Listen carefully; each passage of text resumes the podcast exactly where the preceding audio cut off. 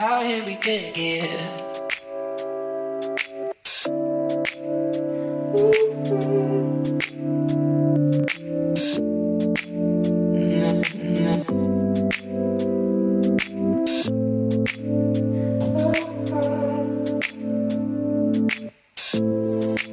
How did we get here? Það er viðandi titill á þessu lagi Það er þetta How did we get here? How did we get here? Hvernig komast við hinga? Tja Þetta var einn góð íkæðaferð minni mig Þá hittust við og Já, ég var nú bara að tala um lífi al, almennt Já, sko. bara Þetta er er vel mun Þú er hánað með þetta Ég var bara Við erum bara hittust tala í um- IKEA. Já, við hittust í IKEA, sko Já, Já, já Það bara, heyrðu, en að Þú varir ekki til að koma podcastir okkar? Já. Og þá var ég íkjað með matta sko. Ég nefn ekki að fara með konur minni sko En matti drefum alltaf í ekki íkjað verið að segja konunum að koma Það var samt svolítið gott, sko, því að Ég var með konunni minni, unni. Og síðan, hérna, ég að þú hefði sagt, hérna Varir ekki til að koma í podcast? Leið, jú, endilega. Og síðan varst eitthvað, já, heyrðu Kannski unnur frekar. Já, sko Hann, hann er ekkert að skafa að því hann segði það sko. Nei, nei, ég hérna, Sem meikar mjög mikið sen, sko. Já. Og það er sem sagt Unni Jónsdóttir. Það er unni Jónsson, Það er kona þín. Það er mín heitt elskað Já. Sem, að, sem er sellóleikari. Já, Og þið hérna saminist í, í tónlistinni. Algjörlega. Og, og hérna Eftir að þú flytur heim Við vorum ekki eins og bara að kynna það Það stendur alltaf á Nei, nafnum nei, við bara hoppum bara út í djúbulu hennar sko. Hvað, viltu, Eðvar, viltu Notar það eða notar maður bara Eddi?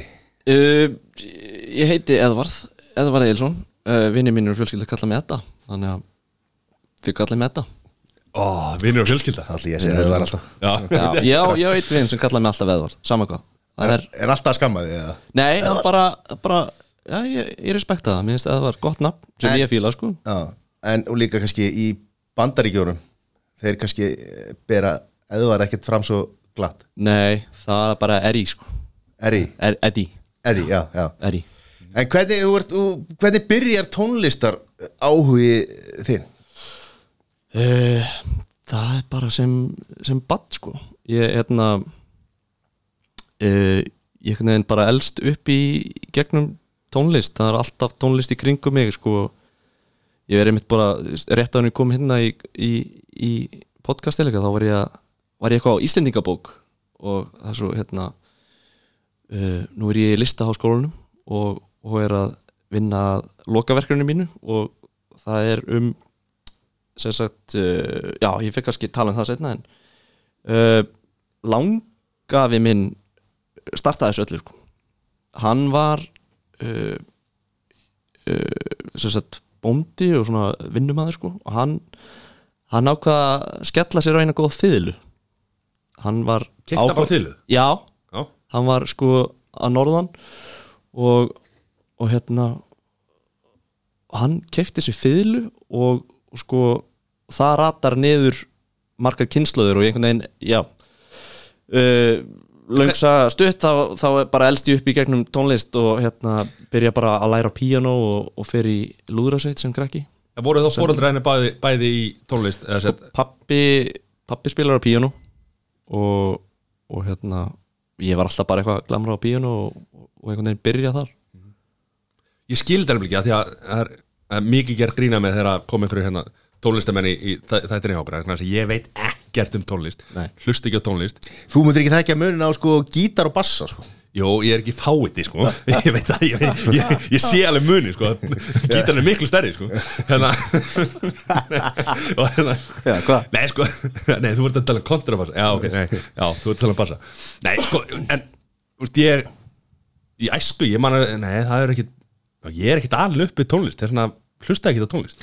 Þú ert alveg upp á vídeolegu sko. Já, Það var nú tónlist í þessum kvikmyndum sem að varst að en ég tengd aldrei við það, sko Það er svona, mér finnst alveg magna, sko þetta er þá væntalega bara í ég, sko, ég, ég byrja að læra á píano sex ára Þú veist, þannig byrjar þetta svona yfirleitt hjá, hjá krökkum bara sem er að byrja að læra veist, það er svona, þú veist, sögumir fara í íþróttir aðrir fara í, þú veist, þetta er bara basic. En Þetta fyrir þá væntalega eftir fóruldurinn þínum að þið- já, var, já, ég veit ekki alveg það er góð spurning, sko. Mér finnst þetta svo merkilegt að því að þetta er svona Þetta er líka með aðra listræna veist, þeir sem er að mála og teikna og eitthvað svona það er einhver svona tjáningaþörf skilur, sem að við Matti erum ekki með, skilur, en þeir sem að eru að þú veist, er að spila tónlist þeir Samt finnir í- Samt hendur í þátt innan podcast Í podcast að því þú ert með tjáninga það við, við hérna, hvernig þú eins og ég ímynda mér það hvernig þú finnur einhvern veginn tónlistina í gegnum þig eða í blóðinu einhvern veginn sko, þú veist, en Ég- sem að við Matti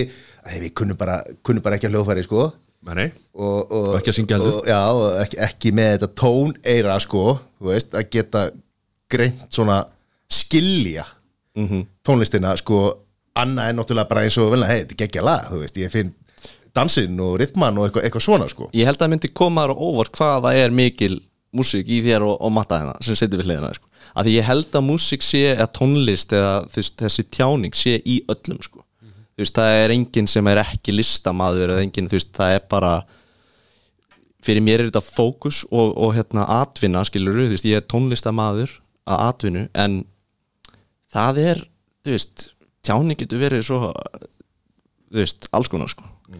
Er, er, er þetta, held, heldur þetta sé meðfætt hjá þér til dæmis að, að, að nú ertu að búa til tónlist og svona heldur þetta sé meðfætt eða er þetta æfing á því að þú byrjar? Ég held að sé einhver blanda báðu sko. Já, það er alltaf vilja allir sko verið í hljómsveit þegar maður er ungur. Þá vilja allir verið í já, og svo Það er kemur bara ljós þú veist, að maður getur það ekki af því að maður kann ekki á, á hljóðfærin og einhvern veginn sko kannski eins og segir ef að, ef að þú ég held leggur- að flesti geta lært á gítar til dæmis og allt þetta en, en það er bara, fólk hefur ekki þólumæðina eða, eða leggur ekki tíman í það.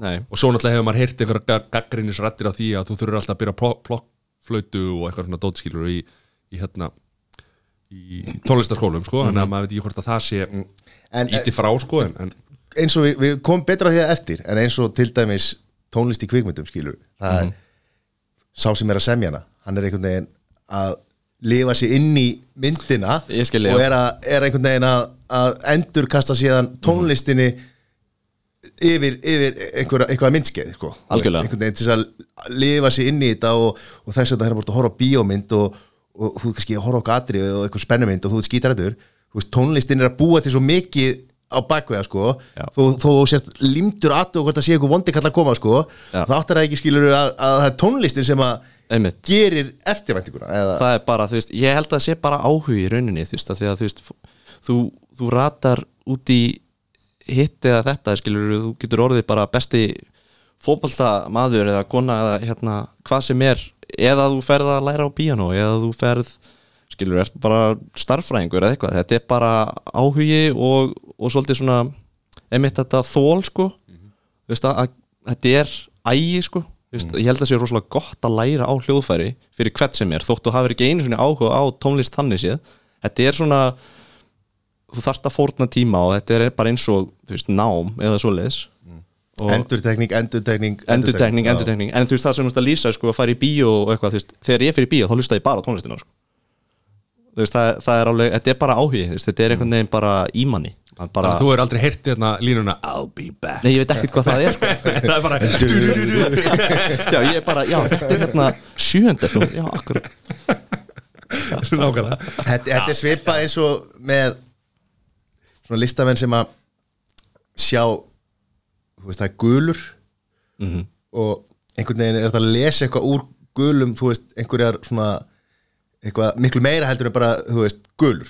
Þú að tala um? ég er að segja bara ég er að segja það, hann er listamann hann er, veist, hann já, er að brjótast út hérna. Já, ég, veist, ég sé það ekki en ég er svona að reyna að skilja fræðina baki bara svipa á stærfræðingar og aðrir sem horfa á einhverja formúlu þeir sjá bara já, svarið. já, þú veist, sem að þetta er, þetta er svona þú veist, þetta er einhver, einhver svona auka skinnfæri og svo eins og eins og eins og Kobe Bryant, þegar þú bjóst nú í Los Angeles veist, hann hafði eitthvað svona og þessir svolís íþróttamenn sem einhvern veginn bara rosalega mikil æfing en þeir hafa einhvern veginn bara í líkamannum bara einhvern veginn eh, eitthvað, eitthvað gen sem að bara Er bara Gerir það æðri öðrum. algjör, í, í, í því sem það er að gera sko. ég trúi alveg því að þetta sé í genum eða þetta sé alveg í manni Já, en þú færði það ekki náttúrulega nema að draga fram með æfingum og Svo þetta, þarftu náttúrulega að hafa bullandi áhuga á þessu já, þú veist, þetta er, þetta er blanda af báðið, þú veist, þetta er hana einhver staðar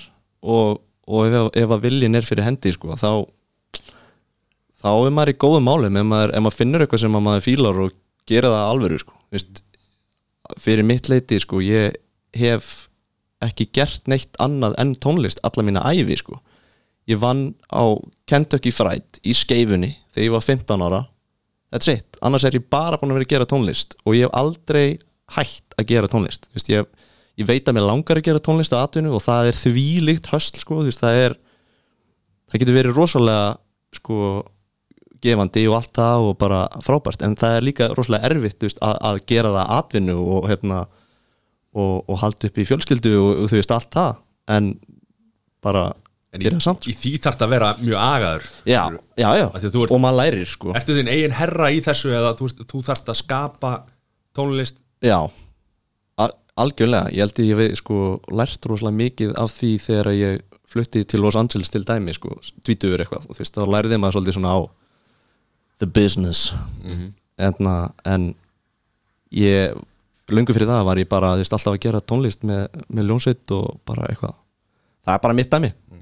Flytur til Los Angeles þá með Stíllord var það upprunlega sko ástæðan eða hvernig, hvernig kom það til að þú ég sem sagt uh, kláraði mentaskóla uh, kvennaskólan. Besti mentaskólin Hvað lærður þar? tungumál, alveg tungumálabrödd og var þar, við vorum þrýstrákar og 26 stelpur. Og þetta var þvílíkt skemmtilegt bara skemmtilega ár. Og, hérna, en var í rauninni bara meira og minna alltaf að, að túra með stílord hljónsveitinni sko, var bara á sér díl við skólastjónan bara þú veist. Var ekkert eitthvað að mæta rosa mikið, stundum var maður bara á heilum túrónum og þá var það bara svolítið svona fjarnám sko. En uh, já, klára sem sagt mentaskólan og flytta beint til Los Angeles bara tvítur. Og það var með hljónsveitinni og, og var þar í 8-9 ár. Og bara, já. Hvernig er fyrir okkur hinn, hvernig er þetta líf í Los Angeles, tónlistalífið nú sér maður sér maður bara, eða veit maður að, að borg englana, borg draumana. Jú, jú. veist, þetta er, þetta er eitt stór bransi veist, tónlist, kvikmynd Já, og svona sko, hvernig var að lifa og hrærast í, í þessum heimi? Þetta er náttúrulega bara miklu stærra skilur þú veist að þetta er eins og þú segir bransi, þetta er rosa stórt batteri hana og það er einhvern veginn allt til alls og, og meir en það. Uh, og ótrúlega skemmtilegt bara þú veist, maður er að kynnast einhverjum nýjum hliðum og alls konar þú veist, útidúrum eins og, eins og fyrir mig sem einhverjum úrling og, og verða síðan eitthvað tvítur og svona aðeins að bara uh, uh, fara út í lífið að þá hugsa ég bara ok, einmitt. Verið hljómsveit, spil á hljóðfæri spil út um allan heima bara geggjað, bara rock'n'roll bara awesome. Og svo þú veist að verandi þar að þá byrja maður að kynnast eitthvað, já, þú getur nota tónlist hérna í einhverjum sjónvastáttum og eitthvað svona eða þú getur farið að leika eða eitthvað, þú veist, ég starfaði sem mótel í Los Angeles bara til þess að til þess að hérna, halda mér uppi. Og, og þannig kynnist ég tónlistafólki og leikurum og framleiðendum og öllum pakkanum, þetta er svona Ætla hark og, og, og Já. mörg, mörg hlutverk. Og allir að tala sko. alltaf, allir, þú veist network, þetta er bara, þetta er bara network. Þetta er bara net veist, þessi þekki þennan og ef þú þekki þennan þá þekkir þú þennan, þennan, þennan og þá ertu, þú veist, sem að getur orðið mjög mikið, sko. getur verið þreytandi allt, allir Já. þetta auðvitað, sko Þessi Þetta hluti. já, já, þú veist, það er, það er alveg skemmtilegt og að það verður þú veist, svona á, á köplum innantómt, sko, því að þú veist það, þú veist að reyna að hafa kannski samræði við manneski þá alveg, já, en tölum inn að þessum veist, þekkir ekki þennan og það er svona, jú fer alltaf aftur í bransan, sko Mm. það, er, það er allir bara svolítið í því þannig að þetta er á, á flugi en, en það kannski vantar svona stundum. En nú tala margir um að LA sé svona set, heimur. Já, veist, þetta er sem svona eins og við erum að tala um innan tóm Þú veist, samræðu þar sé allir að að koma sér á framfæri sko, þú veist. Þú veist, og svo náttúrulega lappa maður að umskilu og það er allir einhvern veginn eins og sé bara Barbie og Ken sko. Já, einmitt sko það sko að- búa hana er allt öðru því það er ekki beint þetta Hollywood glamour lífstíl að því að síðan er hinliðin sem er rosalega falleg og, og bara skemmtileg hlið það er bara Los Angeles sem borg og ég meina fólk flytur og það á sig bara fínasta líf og bara hérna vaknar á, á mótnana og þú veist ég vaknaði á mótnana og bara opnaði svalirnar og fór út með kaffibólla bara bestu dagar ever. Byrja bara Sjata lægð Já, þú veist, það er bara alltaf sama veðrið skilur og þú veist, það er bara geggjað. Uh, og, og fólk er hérna bara með fjölskyldinu sínar og, og hérna er bara að vinna, þú veist, bara eins, eins og við. Það er ekki lagðið yfir landinu hana. Það er ekki mikið um læði, sko. Ef það, það rignir, þá fer allt á hliðina sko. og svo þegar maður fer að þá þá náttúrulega fer maður hérna, það sem að eins og í öðru löndum fer á túriststæðina, fer hérna Griffin hérna, Griffith Park, Park Observatory og, og, og, og, hérna, og, Santa Monica hérna. Beach er, er, Santa Monica Pier og já, og, og hérna Venice og kíkir hérna niður Bel Air. Bel Air. Kíkir á kofana þar. Já, þú, þú fó- fórstu til Bel Air? Já, við tókum svona, ég tekið svona túr bara heilan dag. Já, bara lítil rúta, bara 7-8 manns. Já þú tók svona stjörnundúr Já, og, og keirðum upp, tókum hérna Beverly Hills og, og Bel Air og, og Santa Monica og, hérna, hérna Griffin, Griffin Park hérna, Observatory. Já. Já, og, Það verður ekki mikið meira túristalega þetta Nei, já, ég, er- ég var líka bara dag. Ég vildi bara sjá alla þessa hluti sem maður er búin að sjá í, í bíum já auðvitað. Og hérna uh, náttúrulega kíktum að það. Walk of Fame hérna, Hollywood. Já, og þetta voru leikur í nýju, tíu tímar sko.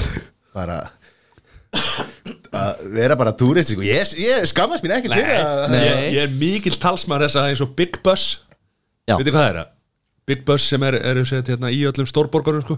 Tveggja hæða, í, talsmaður eins og ég reykja eitthvað Já, ég ekki stórborg Ég er mikill talsmaður þess að fólk fari í það þegar það er að ferðast erlendis að því að það bara sérðu það sem það þarf að sjá og Já. getur hoppað út og inn og, var með geggja gæt sem að bara gat, hann vissi bara alla bíómið, svo bara benta bara alltaf bara þessi mynd átt ekki hérna trúlega þetta hérna, kerum fram hjá hérna, vísindakirkjunni og svona. Já, Tom það, Cruise veifaði hérna út í klukkan það fyndi að og hérna, rimlar á klukkanum uh, talandi um vísindakirkjuna sko, það er magnan fyrir bari uh, vinur minn hérna, svona forvitni hann ákvaði daginn herru, ég ætla að tjekka á þessu dæmi. Já, ég bara, hvað mennur, ég ætla bara að fara hann inn og tjekka hvað er í gangi hann og það er svona ég, ég var ekkert eitthvað, þú veist, alveg bara maður fer og sér bygginguna og eitthvað, ég er ekkert að fara fara að tala við liðið, sko. En hann basically sagði mér að hann var, hann var alltaf færður svona innar og innar um herbergi. Þú veist, þá hann þurfti bara að fara að byggja um að, hérna, herðu, ég ætla, ég ætla nú bara, bara, hérna.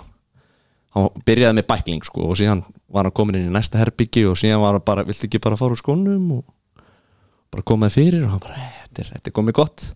Það var það er batteri sko. Já, við hefum eitt svona vinn sem að einmitt fór í New York og, og hérna, það var nú bara í tátur hérna með fyrstu sem hétt YouTube Jón og Vísindakirkjan. Já. Hann einmitt fór tvö. hérna og inn og, og svona eitthvað, skrifaði samt eitthvað feik nafn og eitthvað. Nei, hann, skri, hann, nei, hann skrifaði rétt nafn. Já, vittlust heimilisfang Villis heimilisfang og allt eitthvað og, og hérna þeir voru að tala um það að ætla að bjóða með samkomum kvöldið og, og voru bara lokkan inn. Já, hann gaf rétt nafn, Villis heimilisfang svo fór hann heim bara og, og hérna svo fikk hann bref bara um lúðuna maður frá Íslandikirkjunni nei, wow á Íslandi. He, heima, Já. he, á bara, Íslandi. bara upp í breiðolt sko. sæll. Þannig að þeir mm. trakkaði bara upp sko. já, Já, þeir þurfa að fjölga þeim er alltaf að fækka það Já, það er að reyka til skip. maður. Er- En sko, hvernig er er er mikið jam í þessum, í þessum heimæti í Los Angeles? Eða er, er fólk endalist sko. Vist, þetta er auðvitað, það er partur af þessu uh, og þegar maður er tvítugur í Los Angeles þá er það einu sem maður gerir eða, þú veist, ég segja það nú ekki, en, en þú veist að djamma á því. Og það er líka partur af einhvern veginn vinnunni, þú veist, maður er að eitthvað að hitta fólk og, þarft að fara í partíin til þess að socialæsa og, Já. og networka og... en það er ekki djam eins og við köllum djam sko, þú veist, Íslendinga bara hérna niður í bæ alveg mölvaðir sko, þú Við veist, sem að tala um koktelbúð já, við erum að tala um svolítið svona, þú veist, ert að komast inn í þetta partí og þú veist, ef þú fór út að borða klukkan 7 og síðan er allt bara búið klukkan 2 einhvern veginn. Fyrir utan eftir partíin sko. Já. en hérna, já, það er, það er ennþá bransinn en veist, það er allt bara svona happening. En það er ótrúlega gaman því það er svo mikið af tónleikum það er svo mikið af svona eventum veist, ég einhvern tíma rataði upp í eitthvað hús í hæðunum og það var eftir eitthvað Grammy-partí og ég er með vinum mínum hann og lappin um hurðinu og það er bara Kardashian setni í sófanum og, og bara allir að taka á móti manni bara eitthvað Shaq O'Neal bara blessaði vinnur bara blessaði Shaq bara þú veist fáránlegt og maður einhvern veginn bara kipir sér ekkert upp við þetta en þú veist alveg bara maður hittir fullt af fólki á jamminu þú veist innan gæsalaba Hendur ekki selfie það? ég fór aldrei í selfie sko oh. hef aldrei verið mikil selfie maður sko. Líka, sko, hversu langa selfie stöð ætla- til þess að ná Shaquille O'Neal bara eitthvað til þess að ná upp að það Það er alltaf trölla já, að- að að drölla manni sko. En hvernig er, þú veist, eins og bara venjuleg vika þarna, þú veist, þeir voru að spila fullu líka, mm -hmm. þetta var ekki bara jam og, og nei, partí. alls ekki. Það er nú bara eitthvað svona gændilegt Já, uh, bara þú veist þú voru að spila hverju viku alltaf eða hvernig Já, svona til að byrja með sko, þá, þá er þetta voða mikið, við vorum bara með stúdíu heima og þá er þetta bara, þú veist, vakna á mótnana og fá sér kaffi og morgumat og kíkja eitthvað hérna niður á kaffihús og kíkja í e-mailin bara, basic vinnundagur og síðan fer maður inn í stúdíuið og, og alltaf sól úti og, og hérna og svo fer maður kannski eftir stúdíóið svona um fimm leiti og fer á fund og hittir eitthvað lið í svona drikk einmitt. Og bara matur og, og, og svo er eitthvað sko partí um kvöldið og þá þú veist, fer maður þangað og, hittir þennan og þennan og spjallar aðeins og fær sér drikk og eitthvað neginn. Þetta er, já, bara uh, rosa mikið svona inn og út um stúdíó og hitta fólk. En svo þarna, þið voru að semja fullt af tónlist og, Mhm. og hérna, hvernig getur þú farið aðeins með okkur í gegnum bara prosessi að semja tónlist og fyrir, fyrir hérna þessa- Fyrir- fyrir þessa tónlist eh, fyrir hljómsveit, hljómsveitina, já, já. Hver gerði það Já, hérna- það, það var sagt uh, Við fluttum sagt ég, Einar bróður minn og Svala uh, og við unnum þetta bara rosa mikið saman. Við vorum einhvern veginn uh, skiptum bara svolítið niður hlutverkum á okkur hérna, Einar sá svolítið um skipið og var að svara öllum póstónum og var með svona lúkið og vídeoið og, og í tónlistinu náttúrulega að semja og svona.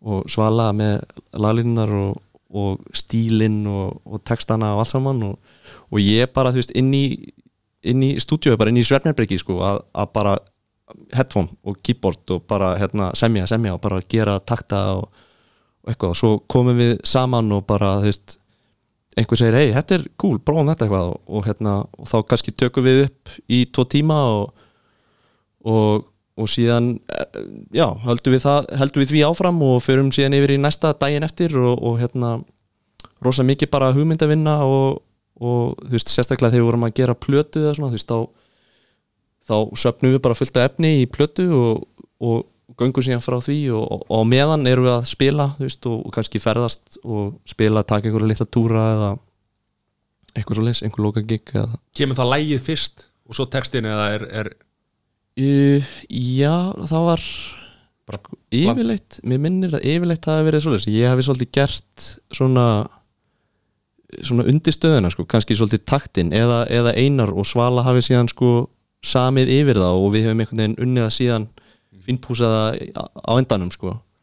Uh, já, yfirleitt var það svolítið Mér finnst það bara svo magna, þú veist einhvern veginn að komast inn í hennan heima sko að- Já, veist, hvernig, það... hvernig tónlist eru til sko. Það er bara svo gaman sko, fyrir mig hef ég alltaf bara haft píanóið skilur, það er bara svona minn grunnur og þú veist, þannig að talandi um að vera sex ára og æfa píanó, það, það er bara tól fyrir mig, það er bara, veist, ég nota það bara til þess að semja og svo bara prófa ég einhverju samsetningar og þú veist, svo heyri ég laglínu og, og svo setja ég hljóma við og ég veit ekki, fyrir fyrir tónlistafólk er þetta kannski ekki flókið en, en það er erfitt að lýsa þetta er bara svona maður finnur þetta og þú veist og maður finnur sko yfirleitt það sem tekur styrstan tíma það sem er einfaldast verður flottast en það er alltaf erfiðast að finna það. Þú veist, ef maður er með eitthvað, já þetta er bara geggja þú finnur hérna eitthvað, eitthvað laga á hálftíma.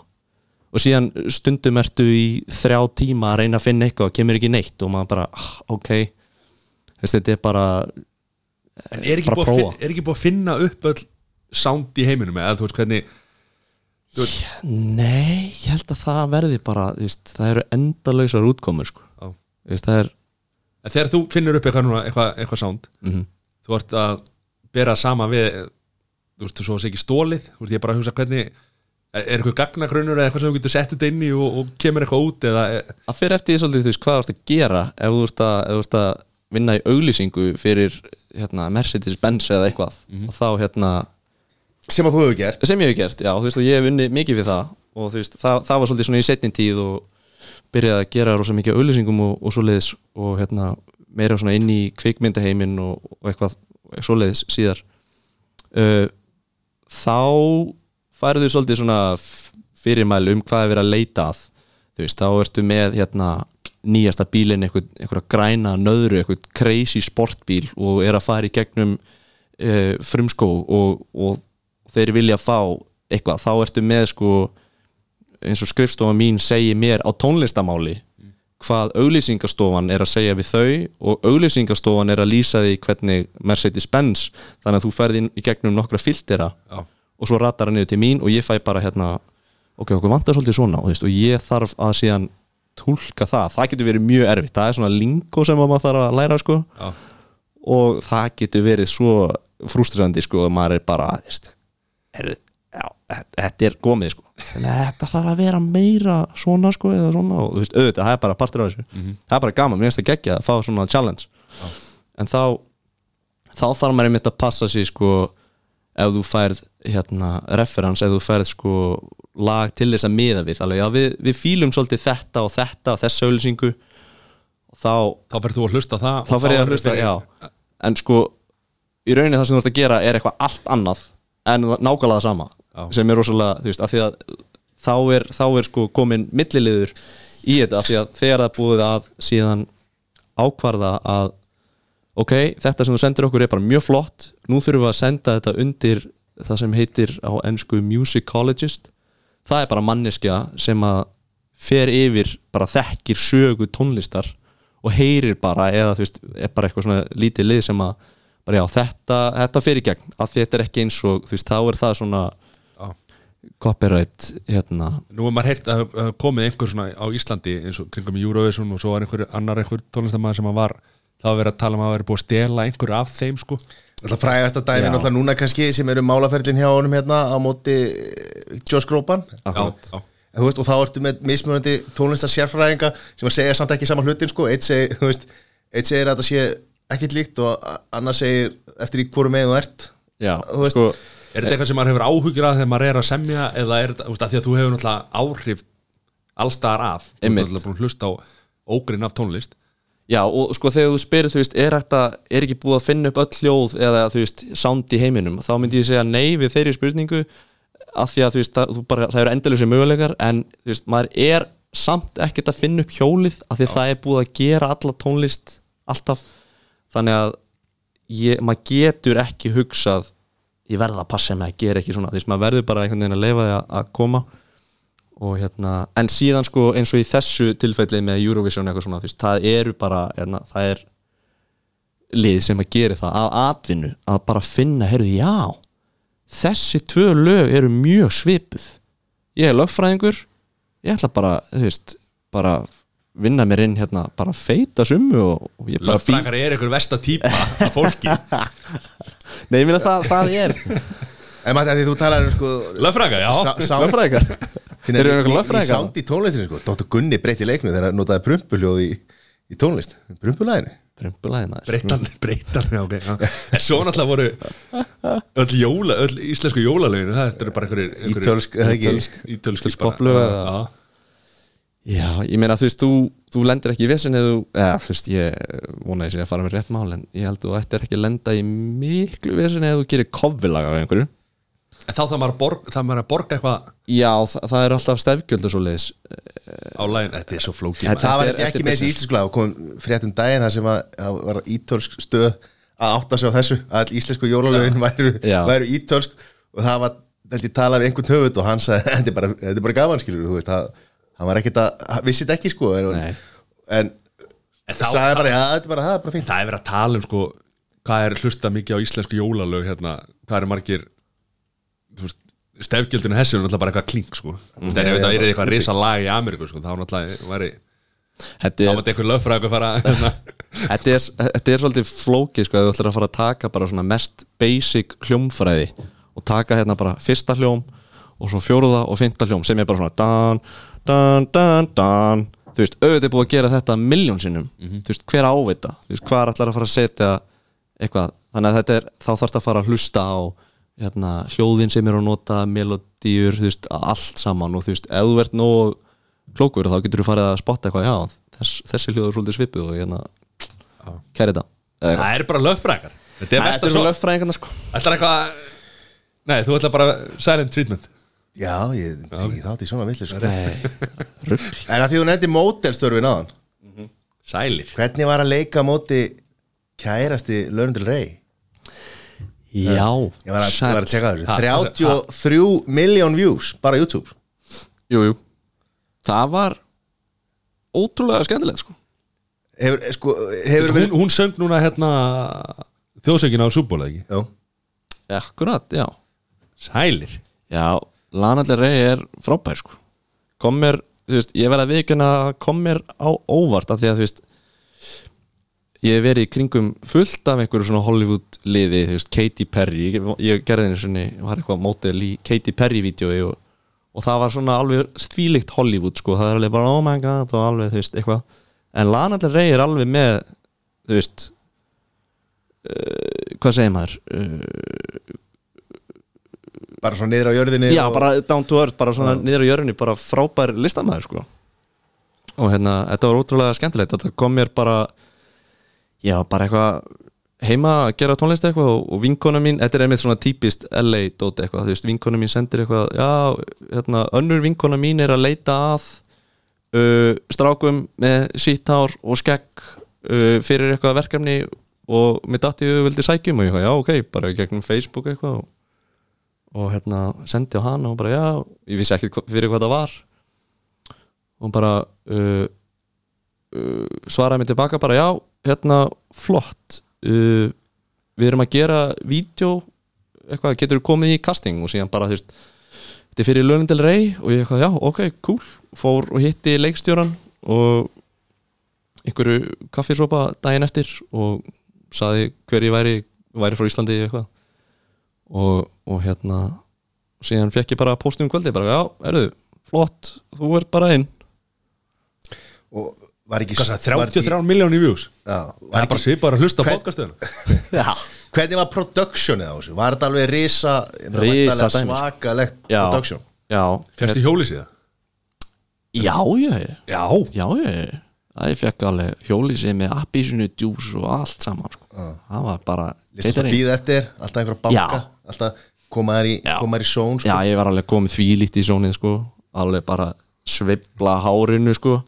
reyna að vera með hárið svolítið sko. Nei, þetta var, þetta var eitthvað furðu svona easy og skemmtilegt víst. ég var bara eitthvað mætti bara víst, eins og ég klæði mig bara eitthvað í leðjakka og hérna eitthvað eh, Lana sem sagt ringdi í mig kvöldi áður en að tökur hófust þá var ég að DJ á, á hérna Chateauban Mont var með svona uh, vikulega kvöld þar á sunnudum og ótrúlega skemmtilegt. Og þar einmitt hitti ég fólk til þess að sem að leitt út í auðnuverkefni eitthvað svona bara eitthvað. En hérna hún bauð mér bara að koma í heimsók og, og ég bara já skust heim til Lönlöndel Rey og hún opnaði fyrir mig bara kastalan hérna, og var bara eitthvað eitthvað ein heima að chilla og hún var bara eitthvað að spjalla um lífið og tilveruna og bara eitthvað, já, ég kem frá Íslandi. Og bara, já, einmitt, akkurat, eitthvað, fjölskylda mín og fjölskylda þín og eitthvað og síðan bara frábært og leiði mér heyra lægið og eitthvað, eitthvað lög sem hún var að gera og bara mjög svona eðlert allt saman. Og síðan bara uh, hittist við daginn eftir og það var alltaf búið að breyta húsinu bara í þvílíka miðstöð, þú veist, það var bara hérna LAPD, nei, hérna LA slökkuliðið og og bara drónagæjarnir og bara catering og alveg bara, hjólhís út um allt og bara það kapplar tekið upp heima henni að, að, að hérna Hluta. að hluta til sko Já, ok. uh, og þetta voru, já, tveir tökudagar og, og hérna síðan uh, já, var, var þetta annar dagur sem að við fórum þá downtown og þá var það svolítið skemmtilegt þessi svo loka senna þá var ég sko látin keira bíl, eitthvað sportbíl en maður er náttúrulega ekki að keira þannig að ég er upp á þú veist einhverjum svona palli sem er dregin af bíl sko. Já, já, eins og komum daginn hérna í hérna, Kordón hérna uh, Singalong sko. Já. Þannig að einhver mynd af honum þar sem hann var upp á svona Já, einmitt. dekkju sko og þá var þetta átt að vera þvílíku skandal sko. Hann er ekki að keira Nei, ég minna, maður getur ekki verið að keira eitthvað þú veist, og það eru myndavelar allstæri kringum þú veist, báðu megin. Og, og eitthvað svona, já, ok, og keira og ég eitthvað geði þreyttur eftir daginn. Ég man eftir þess að ég var með hendin á stýrinu og var alveg bara alveg að sopna, sko, bara ég er að keira, ég er að keira eitthvað. Og já, þú veist. Þú lætur þetta hljóma svo svona eðlilega, svo hitta bara sjakkan í einhverju partíi sko, þú veist, ef að Matti myndi hitta Adam Sandler, sem er átrúnaða góða hans. Já, hann myndi bara hann þyrfti að Ég er þetta skipt í nærbúksum, það er er bara 100% staðfest. Hann, hann myndi missa kúlið sko. Já, ég, Já, ég misti næstu ég bara gúlið þegar ég sá stjörnuna sko, bara hérna, ég að elta Já. hérna, ég á mynda mig með hérna, á, hvað er þetta, bord Walk of Fame Ég er ennþá að ná mér Æja, ok, en hérna Já, ég- Svo segir þetta sér svo casual, ég bara klætti mig svo ég klæði mig í leðjaka sko. Ég- en þú veist, en Það er, er, er, er, er þetta grínast í klæðnanum eða?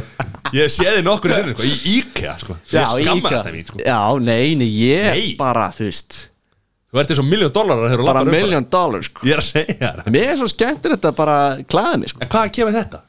Þetta kemur úrlega frá mömmu bara og svöluða miklu leiti, þú veist, hún var alltaf stílið sér að manni í eitthvað, ég meina þegar ég var 16 ára gamall þá var ég bara í, í hérna, bleikum neon sokkabuxum, sko. Já, var bara í ljónhart, sko. Já, með, hérna, mohawk og í skíðárpu, sko. Já, og allir bara, blessa veist, Já. það var bara eðlilegt þú veist, og það var bara geggja stuði og bara í stílort og bara alltaf gerast og, og einhvern veginn já, þetta var bara sport sko. það bara klæði þessu, mér finnst það skemmtilegt. Vera fín, það er bara geggja Ég var í partíi með bara hvað Síðustu leiki, þar Ég maður ekki Varum í ammali já, Þá bara, þú veist Þessi gæði er náttúrulega bara átti herbyggi sko. Matti, varst þú í hættipeysunum þá líka? eða? Jamalöga Ég var reyndar ekki í hættipeysunni En mér langaði til að vera í hættipeysunni sko. Ég er náttúrulega er Mér er stæðlega gaman að klæða mig upp sko. En ég, maður fyrir ekki nei þá Vantar allt sjálfströst í að fara, fara bara alla leið sko. nei, ég meina, ég hendi á mig hérna, Oscar de la Renta jakkanum sem að vinnu minn gaf mér frá 1975 eða Sér eitthvað. þetta, sér þetta. Hvít skyrta að máli dögt sko. Já, máli dögt sko. Og gengur bara í lífa, sem náttúrulega lést í lífasölsíku Já, var ég lífæs maður. Það var ógeðslega skemmtilegt. Þá var maður, þá var ég aðeins svona aðeins yngri og það var bara það var einmitt svona alvöru svona, svona sko. Uh, og þá það var bara fimm dagar roadtrip einhvers staðar í Eidimörkum Kaliforníu. Bara með hérna öðrum krökkum og okkur var sagt, við fengum bara eitthvað dagpenninga okkur var sagt bara að vera klikkuð. Bara, þú veist gerið ykkur á fýblum bara. Og sem bara, á, við erum aðeins að stoppa við erum að skipta um föt. Sem bara, ok, áfram. Og þessi, við vorum bara eitthvað að leika okkur. Og svo, hérna já, erðu, við erum að fá okkur upp á þak við erum að setja, við erum að græja trommusettið og eitthvað aksjón og þá áttu við bara að vera upp á þaki á trommusetti og hoppa hún í ykkur sundlegar og þú veist, þetta er eitthvað svona basically bara að gera sig að fýbli og, og síðan er ykkur sem nær góður myndamann og, og þú veist, já. Bara kóðinu ölsing Já, og maður er bara, þú veist, ungur og fær bara vel borgað og bara ógstað gaman, sko.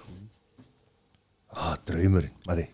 Þú kemast aldrei að vera mótil, bara sorry Þetta er draumur hjá þér Það er bara Heyrðu, svona, þú veist, við erum, aðeins að- við erum orðin opnari fyrir svona plus size models í dag, sko þannig Já, að ég meina, ekki vera- Michelin kallina Nei, það er komið, það er frátekið Þetta var fyrir neðan belti, sko. Nei, ég meina, þú veist, já, já Það er bara eins og það er Ó, Væri til að vera mótil Við erum svo mikið að reyna að komast inn í mótibransana sko, við erum Já. á logoun og Ertu ekki ánægð með, þú veist, hérna Speaking of spjalla Já, logo það er Mér finnst það Ha? geggið það, sko.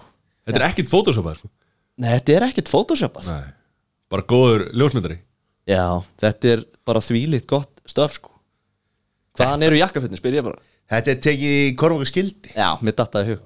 Við erum náttúrulega alveg með þetta á reynu, sko. Jakkafötum það, sko Algjörlega, sko. Við klikkum á að kaupa sér jakkafötum maður Já, Já, þið eigið það ekki. Nei, það er mjög Ég meina, þú hefði getað farið í þessu jakkaföt í partíið sem að ég mætti þér og það, þú veist, Þá var enginn að tala um þig, hérna Nei, ég er, ég er að segja, skilur þú Nei, þá var enginn að tala um þig. Og klænaði þinn ef að ég hefði mætti þessu. Nei, ég er að segja, já, nákvæmlega. Það var hvaða mótil er þetta? Er- Mattias fór og reynd að reynda að kaupa þau eftir þetta, þá voru þau búin það ekki? Jó. og svo reynda að kaupa kasketi líka það það var búið líka. Já. Ég var að you lose Ég var að glugga hjá Kormakur skildi Ég fór á neti Já, var, að- var að kíkja á, á þetta sko. Það eru rauð jakkafötana sem er heita held ég Ron Burgundy eða eitthvað oh. Ég er svona frá því að er það ekki? Jú, þetta er að fara að gerast sko. Ég held það. Annarkvort, annarkvort svona vinnrauð eða ljósblá eða eitthvað. Það er eitthvað gott stöf að koma. Vorum við ekki að tala um þau um dagina þegar við förum alltaf í klippingu hjá stjúra sem að er staðsettar þegar kormur skildi Einmitt. ég held að við verðum að tala um þessi jakkaföt sko. Já, Já. good, good or bad? Já, Við hugsaðum bara, Eddi verður að eiga þessi. Já, það var bara það sem Já, það var þetta er eins og sko maður öfundar alltaf sko þú veist, maður þarf að geta púla þetta sko sem að maður oft sko finnur eitthvað flott sko. Þú veist, lítur á það en svo þegar maður fyrir sjálfur í það sko það er ekki, ó þetta passar ekki að mig. Þú tekur líka alltaf er tveimur númurum og lítir sko, þegar þú ferði í þetta. Heyri, en svo, sko, svo er það sko það sem að það sem að hefur verið að gera og vinna alltaf einn. Já, það er Eddie House það er Eddie House, var Eddie House í, langa tíma. Uh, Þá, það var uh, svona eiginlega uh, kom eiginlega út úr stílort svolítið og einhvern veginn þá var ég eitthvað að prófa að gera bara hásmusík og danstónlist sjálfur svona solo og var rosa mikið partur af svona bara svona DJ lífstílnum og var mikið í því. Og þá var ég mjög mikið út í LA og gaf út einhver löga og SoundCloud og eitthvað, fór ekkert eitthvað mjög langt með það en það var mjög skemmtilegt og svo ertu með hérna sem að við vorum að spila spila um hérna áðan Mhm. sem að, sem að ert þú sem ert kallar þetta hliðar ego eða í rauninni sko, þetta eru bara einhver mismunandi hliðar ego, þú veist, Eddie House Kiruma, já, það er svona Eðvarðir hvað kemur það? Kíruma? er það eitthvað Þetta er mjög fyndin pæling sko. Kíruma, þetta er uh, Þetta er sem sagt eins og ég ímynda mér þetta er þetta andi á eigu sem er svona, þetta er svona guð sem heitir Kíruma og er svona almætti.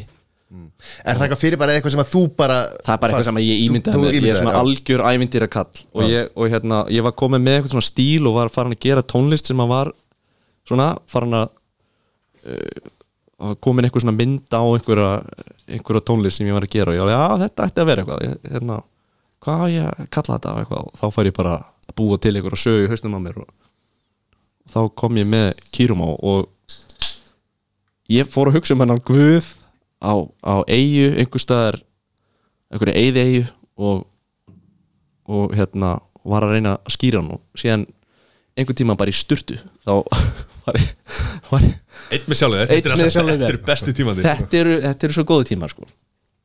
Og það er margt sem gerist í sturtu og, og í Förum baði, í sko. það, förum ekkert út í það. skilur förum ekkert út í þetta skilur það er eitthvað við vatnið sko. Þá bara kýruma kýruma þá heyrði ég svona því líka þrumu rödd sko. Kýruma þá, þá var það bara sleið. Þá var þetta bara projekti kýruma en svo tekur svona svo alltaf beigju þegar þú ert að koma heim frá Los Angeles já, uh, og ferð í svona ferð að koma undir þínu eigin nafni mm. -hmm. Ertu þá búin að leggja Giroma og, og, og Eddie House bara á hilluna? Nei, nei, þú veist ég er með náttúrulega bara ég veit ekki hvað mikið af efni sem að ég hef ekkert gefið út sko sem er bæði í Eddie House eða Kiruma. Sem við getur dust að ryggja bara senna Já, já, þú veist, það er alltaf hægt að gera það það er bara skemmtilegt, mér finnst þetta bara gaman þú veist, og hérna uh, það var nú skemmtilegt til og með Kiruma að þá rataði þetta lag sem við vorum að hlusta á inn í Pro Evolution Soccer töluleikin og bara uh, frábært sem að einmitt árósa vel við það sem ég, ég er að gera svolítið í dag það er svona, Hvernig, fyrir ekki, hvernig á það hafa þeir sambandið þig og, og vilja þetta lag eða er, ertu með umbósmenn eða já hvernig þú veist, ég, ég gaf þetta út í gegnum hérna Black Marble sem að er uh, lítið svona blötu fyrirtæki í Los Angeles og þeir eru bara svona uh, mjög öflugir þar uh, bara að gefa út alls konar einhverju svona raftónlist og svo leis og, og síðan fekk ég bara e-mail einn daginn, bara heyrðu, okkur langar að nota þetta lag í þennan töluleik bara, ertu til í það? Og ég bara, já, algjörlega það var bara algjörlega hefni í rauninni sko. en Hvað þýðir þetta fyrir þig? Þú veist, er þetta, þetta er það stendur undir eða ekki hver listamærin er þegar lagið er algjörlega, þannig að það er auðlýsing og svo er einhver stefgjöld eða er, er hvernig, þú veist Já, það er, eða sko að kaupa þeir bara þeir, kau- aðgang þeir að- kaupa að- aðgangin að þessu vegna þess að þetta er sko inn í leiknum að, að þú ert á valmyndina þannig að þú gætir kannski ekki rukka stefgjöld skilur átt að spila leikinn að þá Hvers getur ekki skipti sem talað. ykkur skora mark Já, ah, 20 krónur til kýrúma Já. En hvernig, eh, þú veist, ef ég má spyrja, þú ert ekki að svara skilju, en peningar til dæmis með þetta Mhm. þú veist, gefur út eitt lag sem að fer í fótboltaleik mm Mhm. hvað, hvað er þetta að fá mikið pening fyrir þetta? bara fullt af minning sko Ok, eða bara, já, þokkalegt. Og það er, það er mjög mismunandi. Stundum, maður þarf að hugsa þetta svolítið sko uh, er auðlýsingin ómetaleg já, einmitt, þú veist, hversu, hversu góður auglýsingin og hérna hversu, hversu góður er klæjendin, þú veist, passar þetta vel við? Er þetta eitthvað sem að ég fíla og ég minna, þú veist, já. Eitthvað bara reisastór tölvuleik og ótrúlega gaman að vera partur af tölvuleik og ég hef veginn ekki gert það áður. Langar að gera meira af því og þetta er náttúrulega bara þeir eru bara að leia lag inn í tölvuleik, það er ekki eins og ég hafi skorað eða neitt en, en hérna uh, Hvað leiða er þetta þetta- er bara að kaupa, inn kaupa bara license bara, heyrðu, Í tölvuleiknum hérna forever. bara buyout. Og hafa skor, er það þá er það þá annað, er það þá að já, þá, þá ertu þú veist, þá ertu að vinna alveg frá sko upphafi uh, Já, og ert að skilur já. búa til hljóðin og þú ert að búa til eins og hefur verið að gera fyrir, fyrir hérna, Benz Nei, bjá, já, Mercedes Benz, Mercedes-Benz, já, það er, þá ertu svolítið að skora sko, þá ertu með hérna kemur bílinni mynd og þá þarf þú veist og, og það, er, það getur verið, það er mjög skemmtilegt en það getur verið rosalega trikki sko því að uh, ef að auðlýsingunni er breytt ef að einn rammi fer skiluru einni sekundu fram, fram eða aftur eða það skipti um eitthvað þá þarf ég að hugsa tónlistina upp og nýtt upp og nýtt sko en það verður að vera sama tónlist þannig að ég þarf að fara að skika til og skipta um tempo eða eitthvað svona og það er, þetta er bara eins og tölvuleikur sko. Þú veist, ég er bara að gera tónlist og láta hann að passa og, og svo eitthvað, þú veist. Já, ég þekki það, ég þekki þess að klippa yfir sko, ég er alltaf að klippa það sem Matti segir, hann segir svo mikið. Þannig ég þarf að klippa út sko. og, og diggi hlustundu vita það það voru ekki að standaði vel í því að því að Það fer alltaf mikið út. Bulli sem að kemur út um mér hérna er náttúrulega alveg ómetalegt sko. en síðan, já. síðan alltaf uh, já, síðan í rauninni eftir að vera hann út í Los Angeles 8-9 ár þá er þetta bara svolítið góð svona uppeja myndi ég segja þetta er back to basics sko. og þetta, mér langaði að fara aftur svolítið í grunninn, fara í píano og bara fara í hljóðfærin og var búin að vera í elektrónik mjög lengi og var komin svolítið út í auðlýsingar og, og hérna svona sjómastætti og Já, líf kviknar eða ekki? lífkveiknar, jú, akkurat, þú veist, það var svona eftir ég kom hérna heim, en þú veist, þar áður hafði ég gert sem, sagt, sem partur af hljómsveitinni, þá hafði ég gert útgáfur fyrir uh, Show You Think You Can Dance sem var einhverju fimm þættir sem ég gerði þann út í bandaríkjunum og var alveg mjög stórt batteri og fekk að þá að, að sko búa til tónlist við dans og, og svo dans samin við tónlistina og þá, þá svona þá kviknuðu nokkrar bjöllur og þá var ég alveg, vá, þetta er, mér langar að gera eitthvað meira svona. Og, veist, og þannig byrjaði þetta soldið sko. Um, og hérna, já, síðan eftir Los Angeles þá, já, var ég bara eitthvað að skoða skóla og, og var að skoða skóla hana úti og það er náttúrulega bara eitthvað 25 miljónir bara fyrir önnin. fyrir bachelor. Já. bara, já, einmitt aðtúa það eitthvað, bara geggjaði skóla og allt það en, en hérna síðan sá ég bara að það var uh, umsókn um, og var opið fyrir umsóknir í listaháskólanum á Íslandi. Og ég, já. Og þá fann ég að það var svona kannski komin tími til að breyta. Ég var svona komin svona pínulega á LA eða bara vera annað, þess bara gott að breyta til. Alltaf að tala um að maður er að gera eitthvað stóra breytingar á 7-8 ára fresti, ég veit ekki.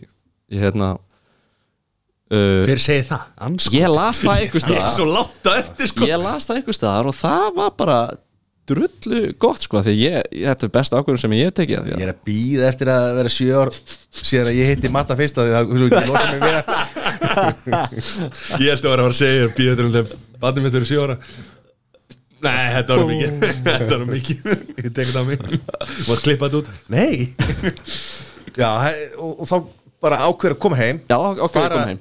En uh, klára maður þess að LA þú. Þið voru greinlega búin að koma ykkur eða Þú allan að sést, eða, þú veist, var búin að koma greinlega það mikið fyrir að, þú veist, að semja fyrir So You Think You Can Dance Já, og, algjörlega. og ert, þú veist, Þetta er svona Þetta er allt bara í gegnum tengla, tengsla net og í gegnum hljómsveitina og síðan bara einmitt í gegnum, þú veist, að fara út og vera svolítið aktífur í, þú veist, þessum Þetta er partíum, skilur. Þetta Þetta er er vinna. Þú Það þú að spara hitta á sjakk og svona sko Já, Já, og svo ringir, í sjakk og sjakk er bara, heyrðu, ég er að gera eina seri og svolítið sem Já. það. Nei, þess, þetta er svo fyndið að því að þetta er bara tengslanett og, og það, þú veist, þetta er, eh, já, þú bara býr til vinnu úr því að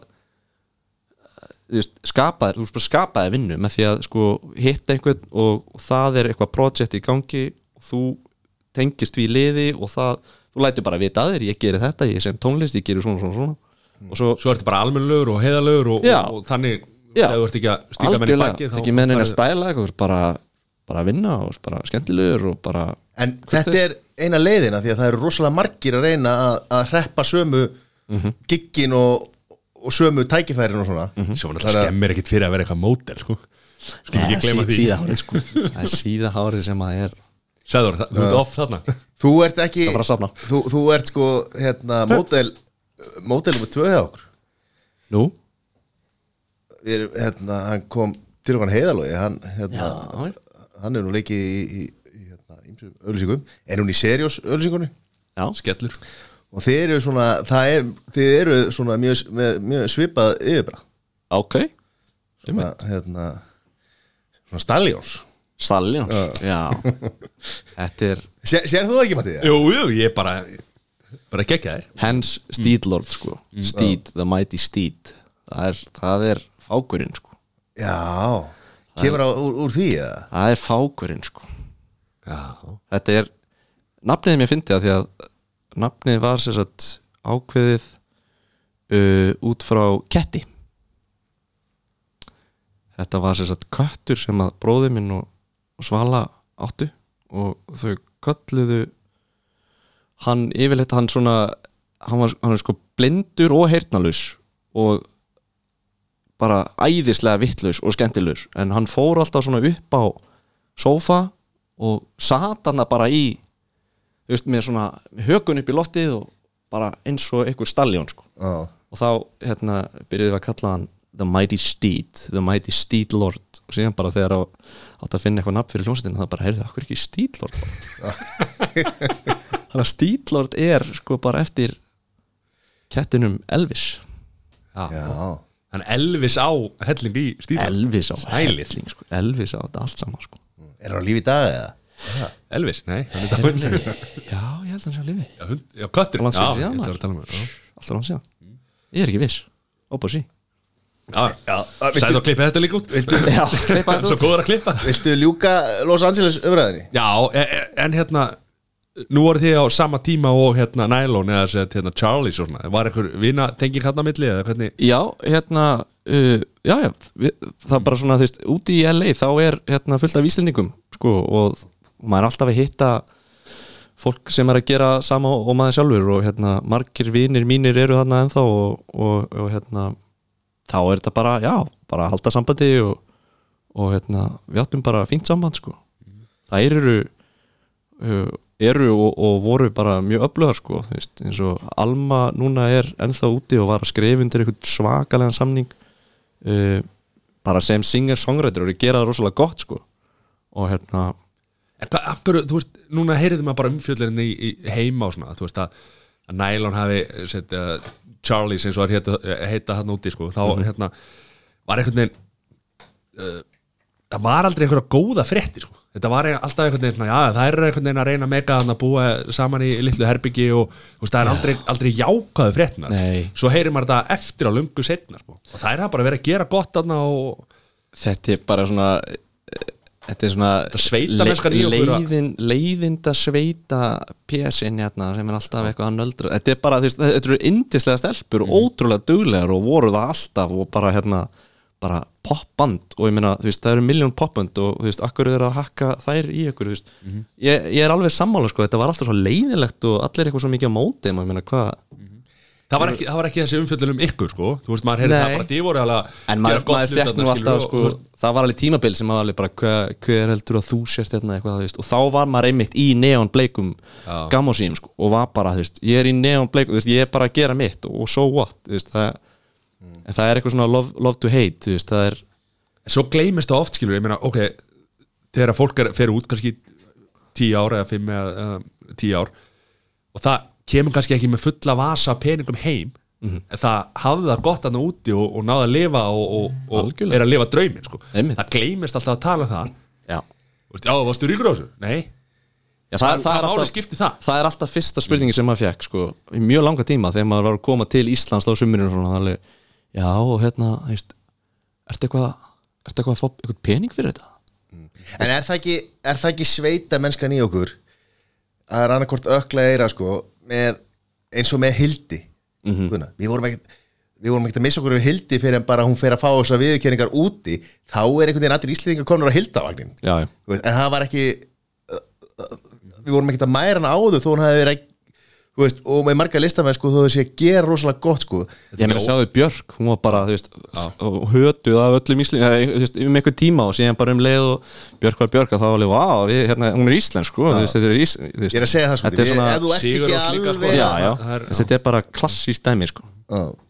uh, já, við erum að breyta þér þetta er ekki náttúrulega skemmtilegt. Nei, ég er samanlega því. Það er bara, þú veist, fólk er að gera frábæra hluti að núti og þú veist Íslendingar eða ekki, er bara Burt sér frá því hvort þessi tónlistamæður eða eh, ferðu Já. sjálfur að vinna einhvers staðar annar staðar úti So og kemur kannski tilbaka. Einmitt, ert ekki orðið fulla vasa peningum? Er, bara liðir, veist, ef fólk fólki langar að lifa erlendis búa erlendis já, í eitthvað tíma, er Einmitt. bara go for it já, það er líka það er líka bara hérna eins og ég var að að hlusta á tvíhöða og þeir eru að tala um eitthvað að það er bara fullt af Íslendingu sem að kannski hafa ekkert efni á að búa á Íslandi skilur af því að það er bara svo dýrt fyrir Íslending að vera á Íslandi sem er náttúrulega fáránlegt. Þú veist, þetta á ekki að virka en þetta virkar samt einhvern veginn. Og þú veist, það er fullt af fólki sem á bara fínasta líf úti og er bara að gera það gott. En að því að það er ekki heima þá þurfum við að byrja að segja eitthvað sko. og ef þú kemur heim aftur þá getur þú bara sko, hvort með skotti á milli lappar heim sko. hvað, ertu eitthvað ert, já, ertu að koma aftur núna, já, þú feilaðir sem sagt, þú gafst upp. En hversu rosalegt er það? Það skiptir engum máli hvert maður fer í heiminum. Maður finnur alltaf Íslendingan. Já, það er mjög fyndið. Hvað er það? það er bara já, við þetta er rosalegt, ég, ég hef farið ég hef farið til hérna fórið til Thailands og, og hérna og hérna Kambodí og svona sko. mm. veist, það er fólk í Kambodí sem hefur aldrei farið út fyrir Kambodí og það er samt fullt af löndur sem er liggja að þessu. Það hefur aldrei farið úr landinu sinu það er bara ekki efnaði að fara svo eru við þarna eitthvað Já. þú veist að brasa þarna og maður hittir einhverju Íslendinga í einhverju búð sko. maður bara erst að grínast já, og svo líka alltaf jafn gott sko þegar að hérna, þegar Íslendingar þessi típa af Íslending sem að e eru þið Íslendingar? Já. eru þið Íslendingar? já, nei, hæ maður? Og bara, þá verður það að spjalla þig, þú veist, þú myndir aldrei tala við í kringlum til að labba fram Nei, hjá þér. aldrei. en að þið hittust einhvers staðar annar staðar að þá þarf að já, ég er hérna með Gulla og ég veit ekkert hver Gulla allir er. bestu vinir. Já, ég hef ekki fara, ég hef ekki fara að gera eitthvað saman. Alveg, ekki fá okkur eitt kaldan. Ég, ég, ég veit það ekki, jú, jú. En ég held með, með þessar lægðir sem er í gangi núna ég bara, við eigum bara við eigum bara öll að fara til Tenerife. Er það málið? já, bara gera eins og í Kanada bara Íslandingar nýlitu. Burtu Hvað- frá þessu veðri. Ég elska það það er ekkert að þessu veðri, hvað er það? já, ég er einhver staður án á millikar sko. Já. ég er staður á millikar sko. Þú er alltaf búin að varst í LA í- Já. Ég, ég sko þegar ég var út í LA eh, þú veist, eftir 8-9 ár þá fæði maður alveg sakna þess að það sé smá veður sko, þú veist. En ég Nei, er allt ekki þetta hár sko. Ég, Það nei, allt elskar þetta vindinn. hár skilur maður verður að fá þú veist, maður verður að fá Þú þekkir þetta ekki skína, sem sko. Ég Nei, sagði þetta fyrir því ekki, sko skiljið ekki, hvað, þú veist, eru þið ekki stundu þreyttir á að vakna og það er Jú, auðvitað leiðinda við, sko. Nei. Þú veist, þetta fór ekki töðunum, þetta er bara undanfæri búið að fara í töðunum. Já, Svona- þetta er svona þegar maður er Æ, ef maður er þú veist sko, fyrir utan bara sko byrtuleysið kannski, ma- hvað, hversu, hversu þreyttu maður er, það er kannski það sem að fer svona En pínu litli forréttindi fyrir okkur að, að, að hafa fæðst hérna Já, Þú litli veist, ég er bara, ég er þar sko.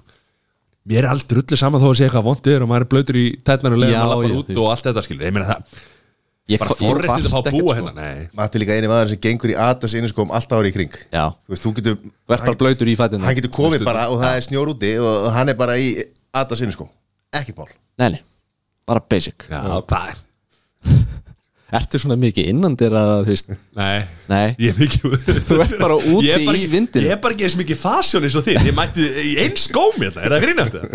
Það er þetta rétt. Við erum í sömu Það er skóma þetta rétt. Já, skemmtileg tilvinnun Séðu, Mattias Ha, ah, Þú ert flottur. Kallinn. Komin upp eitt þrep sko. Heldur betur, en hvaða gallabössur er þetta? Ah, okay.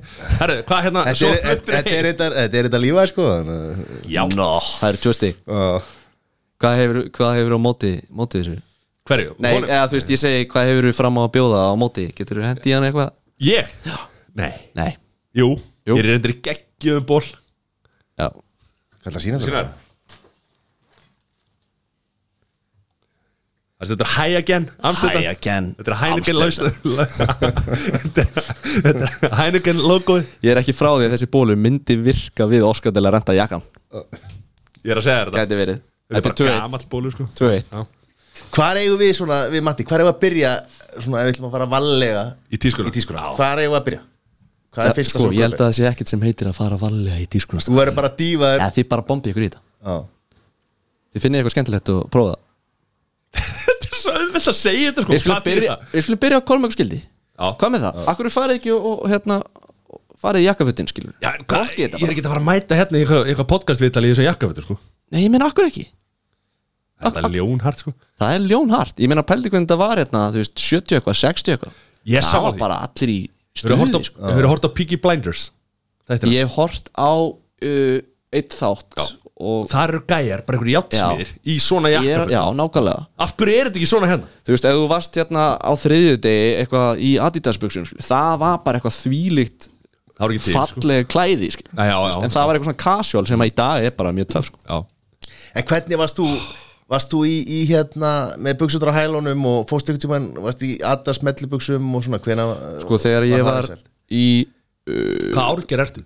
ég er 89 Já. Þegar ég er í gagfræði skóla þá er ég með fasta fléttur sko. ég er með demans eyrnaloka úr segli. Ég fekk mér aldrei gött í eirun sko, ég fór ekki það langt. Nei. og það var bara hip-hop.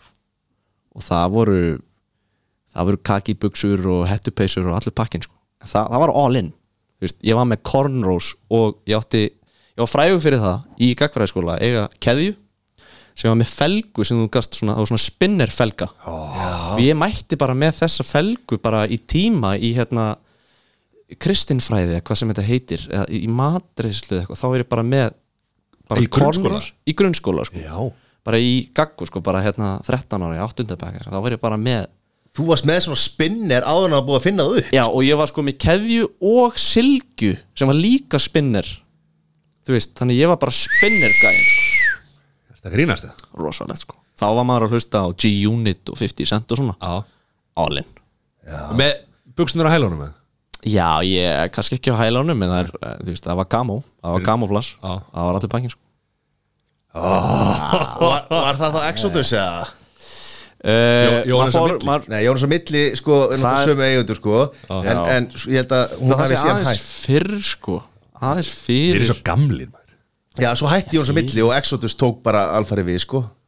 Nei, það er allt bara frá bræðurum mínum sko. það eru bara hand-me-downs frá, frá bræðurum Já, mínum já, þú veist, þeir þú eru bara áttir, hip-hop. áttir svona fyrirmynd, eldri fyrirmyndir. Já, já, bara Stussi og, og hérna, allir pakkin sko. Ég fekk bara einhverja geggjaða bóli frá New York og mamma á flugfreð þannig hún var alltaf að fara og vesla á bræðum mínu sko, því þeir eru alltaf bara hip-hop fanatics bara, þú veist, úr vesturbænum bara frá byrjun sko og graffiti og allt þetta dót þú veist, ég er náttúrulega bara litast alveg svakalega af þessu og fæ bara einhvern veginn svona, já, lifi alveg í þessu Og þú varst að hlusta hérna á 50 Cent og einhverja svona rappara Já, og bara þú veist, J. Dilla og Ninth Wonder og allt þetta New York stöf, sko. ég segi 50 Cent og G-Unit bara eitthvað svona í ganni en, Bara til þess að ég viti hvað þú ert að tala um Já. Ég veit ekki hvað hinn gæðin eru Nei, bara New York hip-hop Já, bara, þú veist, já. og, hérna En þannig ertu búin að vera á, á píanónu og, og læra hvað klassiska tónlist eða Já, píanó bara Og Og, þarna- lúðrasveit og allt sko Þannig kynnust, hérna, kynnust við unnur sko Þegar við erum saman í skóla Saman í lúðrasveit og Já, Þar var ég á pákonum sko. Á. Pákum, sem Er er, það, er það hérna ásláttarhljóðari? það er áslátta hljóðfæri sem er Ah, strákurinn. Það er, já, það, er, það eru trommur. Það eru Pá- stóru trommur. Dum, dum, dum, Þannig er ég bara, þú veist, sjöra gutti Og bara, hérna Mission Impossible Lægið Það er verið að taka það á lúðrasveita æfingum sko. Og papp, það? jú, það er hérna dun, dun, dun, Ó, ég haf með þess að símringi sko svo lengi og það uh, sko pappi var að segja mér frá því að ég man ekki hvort það var í því lægi eða verki sem að að því ég var líka á symbolum sem eru svona, þú veist krass symbala sem þú smelli saman þú veist, heldur á Já, Og- og- og tringitir en þú ert ekkert eitthvað mikið á þeim Nei. allan tíman sko. Það er bara eitt moment. Og Það er þitt moment. það er mitt moment sko. Og pappi var að lýsa því fyrir mig bara fyrir stuttu. Hann var að rifja upp einhverja tíma þar sem að hann kom á, á tónleika þar sem við vorum á Eðistorgi eða eitthvað. Og það var lúrasveit inn og undir stjórn Kára Húnfjörð snillingur. Og, og hérna og þá byrja lægið sko. Og ég er kannski, þú veist, við erum hann að þrýr í slagverkinu einn og trommur og við tveir sko á slagverki sem eru bara svona lítil ástætta hljóðveri sko. Og þá maður hérna eitthvað pikki þetta og pikki þetta. Svo kemur mómentið það sem að ég gríp í symbalana sko. Og svo býð ég bara. Svo er bara og þú veist eitthvað. Og þú veist og þetta var eitthvað síðan fer það kannski inn í eitthvað eitthvað annan kapla svo bara magnast allt upp og svo og búið sko. Og ég bara, þú veist pappi var að lýsa fyrir mér svipnum á mér í gegnum æfinguna sko. Þar sem ég bara, ok, ég verður að hitta á rétt ég er á að gera þetta þetta voru æðislega tíma sko. Þannig að lærði ég alveg þvílitt mikið og sko, þess vegna langaði mig að fara aftur í, í skóla bara og fara aftur þangað. Og nú er ég bara að skrifa út fyrir alls konar hljóðfæri og bara gegga stuð sko. Var ekki, ég var ekki líka bassatróman sem að sem að kom oftast bara lí, líka í lokin sko? Búm. já, dú. já, Ég fengið, mestalega fengið hérna þrýhetningin hérna já. Einu sinni. Einu sinni þeir eru mikið Já, ég veit sko. það, þú er ekki tíma að setja það rétt sko. Ó, ég, Nei, 100% ekki man. síðan, skul, síðan skulum við ekki gleyma því að ég var í skátunum sko. Já, já, þá var ég sko stundum fánaberi. Það var þvílíkur heiður. En síðan var ég líka sko með í svona skrúðgöngum og svona, þá var ég með svona bassatrómi framan á mig sko. Já þá var ég bara að lemja ykkur veist, niður lögvin, það var að geggjað sport. Varstu með tengda symbala í, í, í, í nei, vöfflunum, ég var ekki með kitti sko. Það, það, nei, það, kannski Þú vil þetta vel undirbúin já, alveg en hvernig fór það saman að vera í skátunum? Vera, vera þessi sko Hann lærði að flétta sig. svona, hei brum já, bara með Eru ekki í Já, það er að þessi sko sko svona framúrstefnulegur svona, þú veist, og örgulega djúpur í, í tónlist og ég ger ráð fyrir að varst að hlusta tónlist sem að svona miklu, sem miklu lengra heldur en aðri jafnaldrar þú veist, djúpt í, í, í New York hérna, senminu og svona. Fór það alveg sama með skátunum svona? Algjörlega, þetta er bara nördismi skilur, þú veist, þú ert bara ég meina, bara að dífa þér onni í einhverja mismynda heima, ég meina að vera í skátunum var bara svona félagslíf sko. ég, ég dýrka skátana, sko. Eitt sinn skáti ávallt skáti það var ótrúlega skemmtilegt það er, ég er svo mikið svona ævintýrakall sko. talandi um kýrum að vera einhver andi á eyði, þú veist, ég bara að fara í einhverja útilegi og, og hérna, finna út hvernig þú ert að fara yfir hennar læk og þá ert að byggja upp einhverja súlur og binda þetta saman og setja eitthvað reypi á milli og það var bara, ég var all in sko.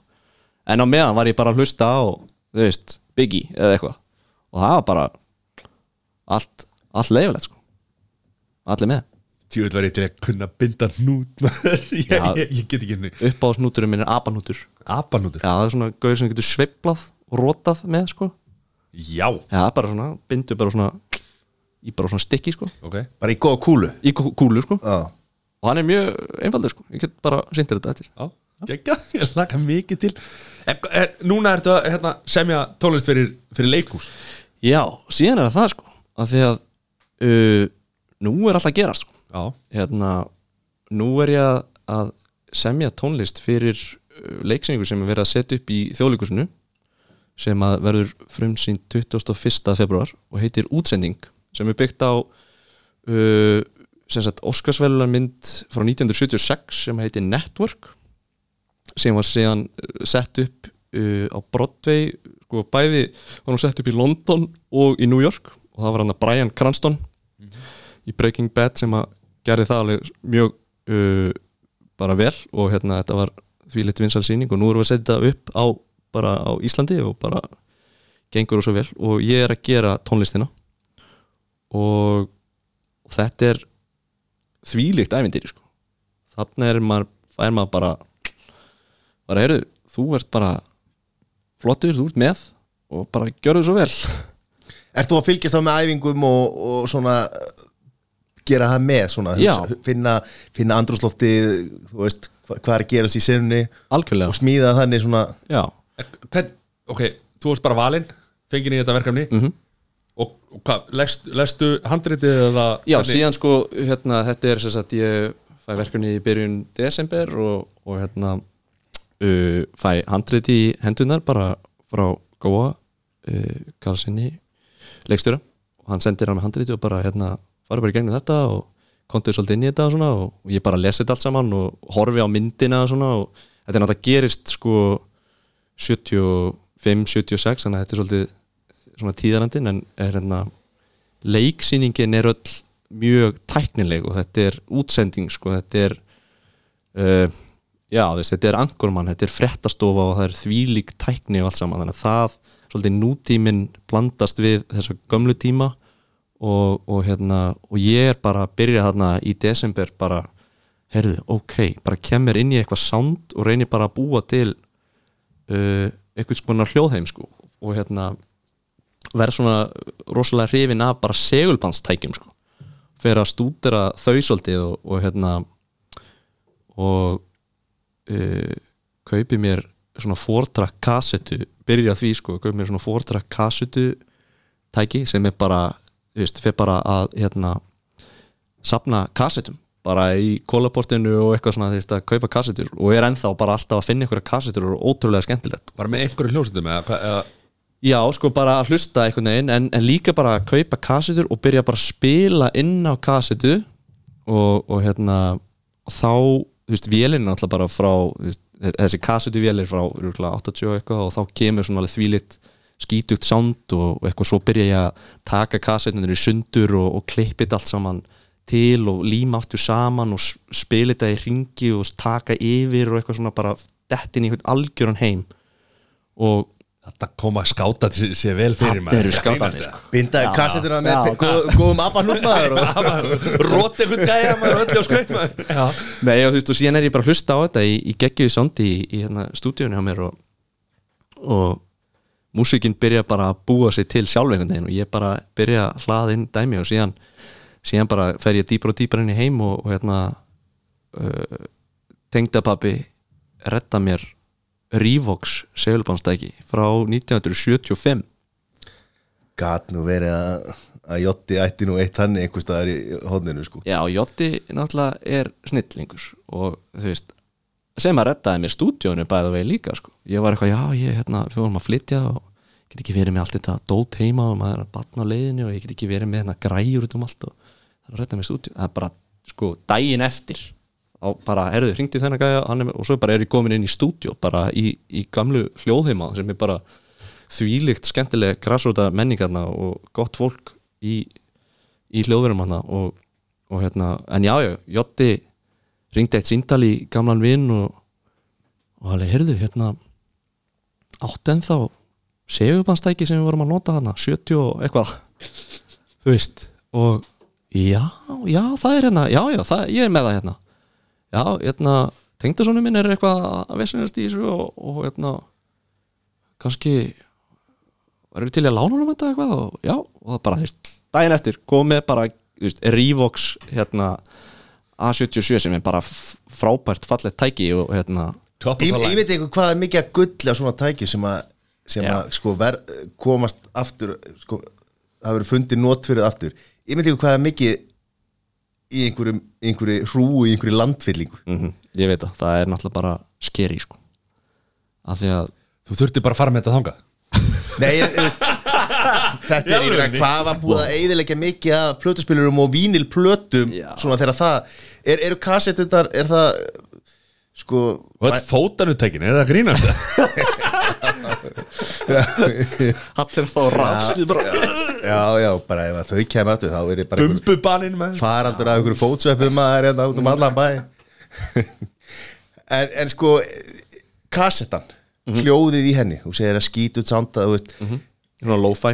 Já, er fær vantalega betri hljóm úr, úr, úr vínildum Já, já, já, ég myndi, já. En Fyrir eftir hvernig græður með þetta, en já. það er örugglega ekki margir að fykta í kassettutækjum í dag sko. Nei, það er ekki stórt samfélag. Samt sko meira en þú myndir ímyndar ég held að kassetna sé að koma með alveg svolítið gott comeback sko ef eitthvað er. Já en maður er svo þreyttur á að stinga blíjandi maður og eitthvað spóla þessu Þú veist, maður það er og- engin þú veist, það er svona svolítið maður er, maður er svona samna kassetum og er með gott tæki þú veist, ef maður, ef maður er þar en það er ekkert eitthvað hver sem er sem er kassetu tæki heima á sér Nei, og hvað eigðast það ekki og verður þetta ekki Jú, jú, Já. þess vegna er ég að finna bara einhverjar hérna, ég veist, ég var að kaupa í gær bara eitthvað einhver, einhver svona hippa kona, bara eitthvað lalalala, eitthvað út í út í buska að syngja inn á einhverja kassetu og fann þetta bara eitthvað, kólafortin eða eitthvað. Þetta er ekki allt bara dýrin hálsa sko í gamlar upptökur Nei, ég reyndar fann veist, það er svo, svo skemmtilegt að finna sko gömul mixtape þetta, fólk hendur þessu náttúrulega bara. Já. og, og hérna, þetta endar í góða hyrðinum eða kólaportinu eða bara einhver stað mað, maður finnur þetta hjá fjölskyldu eða eitthvað. Og hérna, maður finnur þetta svona gullin mixtape sem er búið að setja inn bara sko lög tímans bara hérna þetta ár. Og þetta er ykkur lög sem að maður dettur ekki í hug að setja á en einhver var bara þetta er upp á slæði mitt. Og svo kemur næsta lag. Svo kemur hérna Latti skilur frá þú veist, 80 og eitthvað. svo læti. En hvað hérna, hendur þið mixtape fyrir kæristunnar eitthvað í gamla dag Hvernig, þú veist Það var náttúrulega í öllum bíómyndum þá var alltaf Sko- sko, búið til einhverja mixtape sko. já, sko en, Ég tengi ekki til tónlist sko, þannig að þú, ég ert, að gera það ekki þú, sko. þú, þú ert nú eldri en við og ég er nú eldri en Eddi en, en sko, ég það var, er það var það var geisladiskur það var verið að skrifa diska. Já, Gerðu með, það? með mix já diskum sko. endalust Er það? já, svona bara lögin sem maður fílaði setti maður á disk og spilaði í bílnum eða eitthvað. já, en ég man eftir að, að hérna, hafa tekið upp uh, útvarpið sko eitthvað ní- 98 eða eitthvað þá- þá var ég með græjur heima og var með kassetu og, og síðan kom lægið í útvarpinu eða hérna eitthvað og maður tók það upp og bjóti mixtape sko maður ekki hvort ef ég gefi kæristu Nei, nei en það verður gaman að finna þau já, ég man eftir því að maður þurfti að eiga sko spólu með, eða sem sagt kassetu með, með hérna með jack tengi sko sem settir í bílinn já, og þá kostu tengt diskmannin já, við og þá kostu spila í já, í Já, gegnum sko kassetutæki í bílnum Já. úr Það er enginn sem er að hlusta sem er að tengja þetta En ég skil svo að því sko. Og svo, svo þú kerðir yfir sko, smá Misæð sko Já. Þá stoppaði diskurinn sko. Já. Og rispaðist Já, ég er að tala um sko að spila úr kasset Ég er að segja það, þetta inn í Já, sko, inn í- inn í- mixtapeinu og svo, eh, hérna, svo er gesaldiska drasli hérna ón á mælaborinu sko. Já, já Shit, hvað eru galið maður En hérna, já Þegar maður átti diskmann maður og alveg, þú veist, ég átti eitt geggja Sony maður, Baby Blue þú veist, Já. Þetta bara gekk maður með bara Fymdiska vasanum, magasín Já. Er það grínast eða? já, maður var með svona magasín eitthvað Já. Ég er nefnilega var að vinna á vinnustæða sem að hérna, það voru, það var fymdiska magasín og fast í tækinu í uh, tvö ár sem ég var að vinna þarna. Það var fymdiskar já, það var, það var hérna, tveir diskar með Guns N' Roses. Solid. Tveir diskar með Sálan Sjónsmins ok, solid, og einn diskur með Buttercup.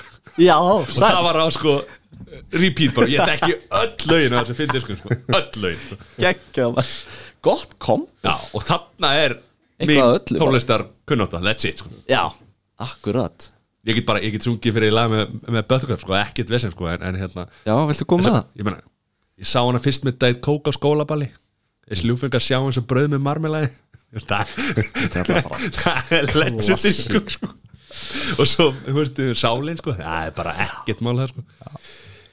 Alveg með það. Já, En þetta var svo góð það er eina sem ég kann með í tónlist sko, ég verð verð að veikina en það er með þetta sko uh, munurinn á þessu og í dag talandi um hérna, hvað er um gamlir eða eitthvað að það, það er svo skemmtilegt að fara veist, eins og fyrir mig að vinna í stúdíunum eitthvað, vera hands on taka teip og klippa því sundur og þú veist, ef ég krumpa það og spila það aftur þá kemur eitthvað hljóð.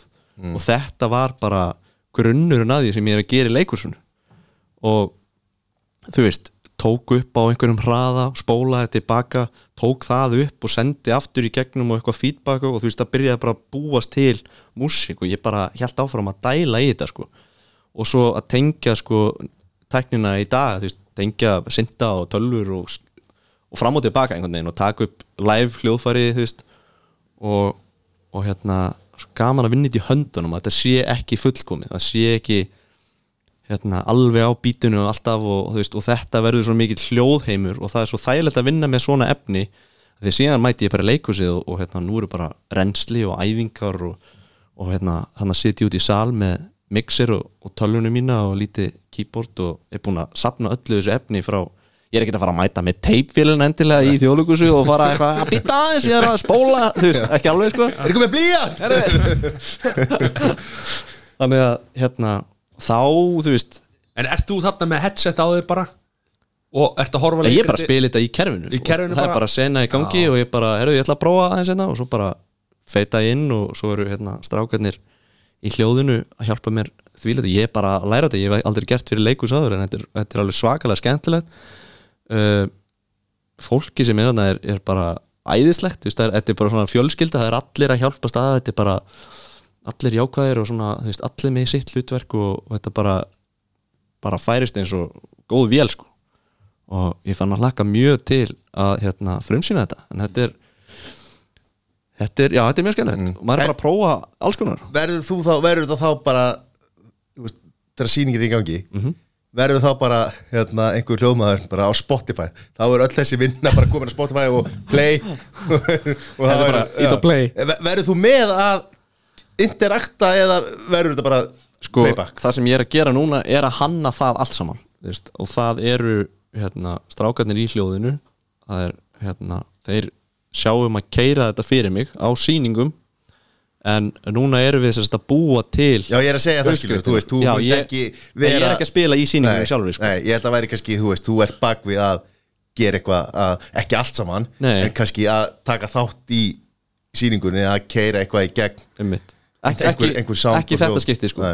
Uh, hins vegar var ég alveg til að prófa það líka það er, það er skemmtilegt en En er ekki líka ljúft að geta bara þú klárar þetta fyrir frumsýningu jú, verkið er tilbúið og þú bara afslappaður komið. Já já, afslappaður.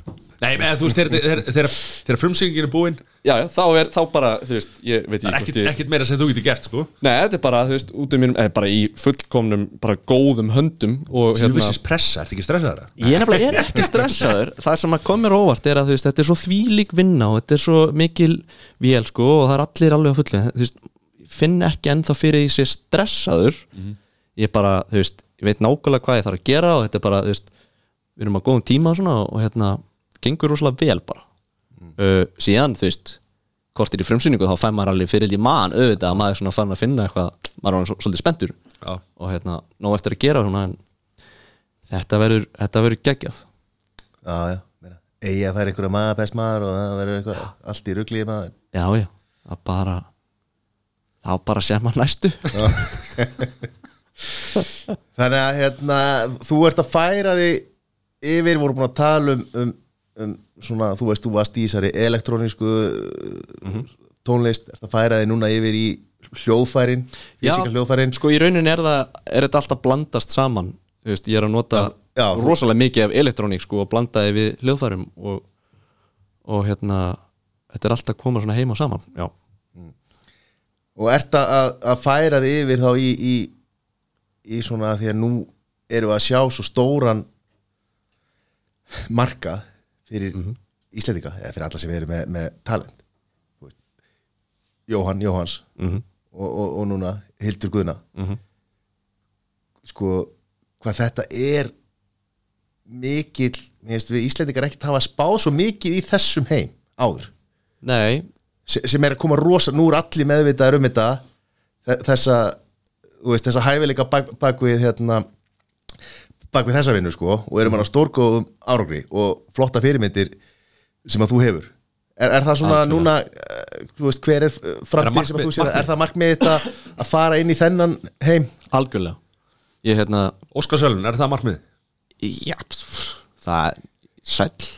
Blessa stressaður Nei, ég meina, eins, og, eins og Hildur er að gera þetta er náttúrulega bara sko, þvílíkt góður árangur og hérna bara, bara hafa á Hildur uh, en hún er líka bara rosalega klár á þetta allt saman skilið sko.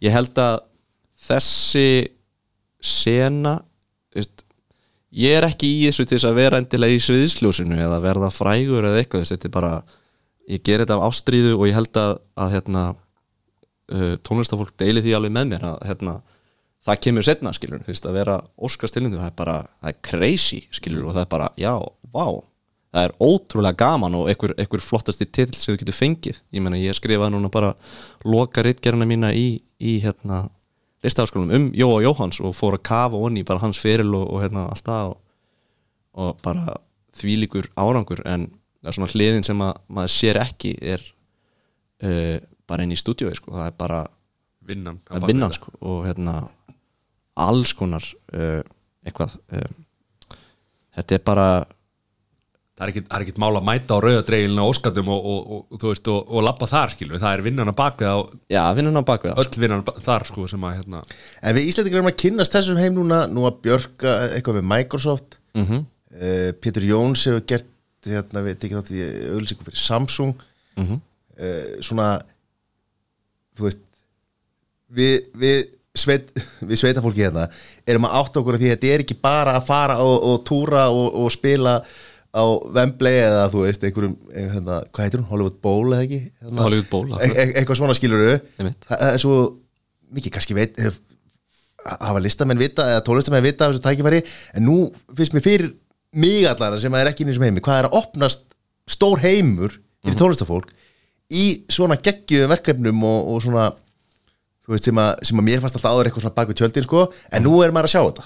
Já, það er líka bara að kemur með svolítið nútímanum og tækninu og þú veist, þetta er orðið svo aðgengilegt. Þú veist, það er þú, þú getur alltaf hendir út í þetta þú veist, eins og í, í gamla daga að þá sko það ætlar að, að skora fyrir bíómynd þá þurftur bara að vera með helst sko að reka stúdíó fyrst og vera með tækni fólk til þess að keira allar vélarnar, og bara upptöku tækni, þú veist þetta var svo flókið núna getur þú verið með laptop heimahöður og hérna verið með vídeo og gert músík við setta saman, upplota þig og senda á einhvern skilur uh, en sko uh, þetta fólk er náttúrulega búið að gera þetta bara alla sinna æfi sko. og ég, þú veist, ég er rétt að byrja sko.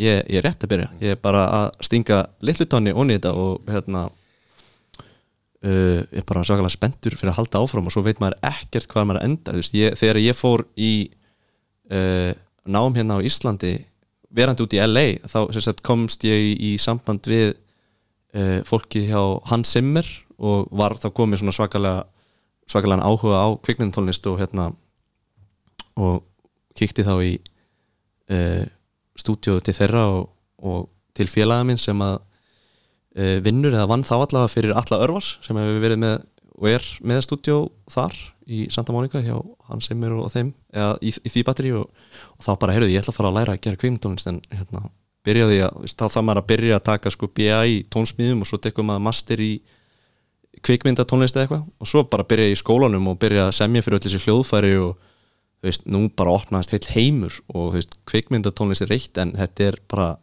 í kjarnan er þetta bara tónlist þetta er bara tónlist og síðan sko uh, fyrir leikstjóra eða framleiðenda þú veist, þeir kannski þeir þau pikka upp eitthvað, einhverja tilfinningu eða eitthvað, hlusta einhverja tónlist, þú veist, þetta getur verið einhver sem að gaf út hérna, þú veist, þegar ég gaf út uh, Kíruma og ég fekk bara tölvupost þegar ég hefur notað þetta í tölvuleikin þetta er svolítið þannig í dag, þú veist, það er það er rosalega mikið af upplýsingum en, en það er alveg hægt að nálgast þig þannig, sko. Um, svo þegar þú ert orðin hip og cool í einhverju einu verki þú veist, og, og, og hérna og, og tengsla neti og allt þetta skilur þá náttúrulega fer, þú veist, þannig vindur boltin Já. upp á sig og, og svo bara byrjar að vinna með ýmsu fólki og sapnar á því bara reynslu og, og hérna og fullt af leikstjórum og, og framlendi sem vilja bara vinna með þessum algjörlega. og þessu fólki sko. Og eins og það stólið nafnið nafnið hennar stólur mér hérna klippari, búin að vera lengi í, í, Íslensk í Hollywood, já, já, já. Að klippa myndir Já. algjör listamæður á, á, á því sviði sko. Hvað er hérna eins með það skiptir ekki máli.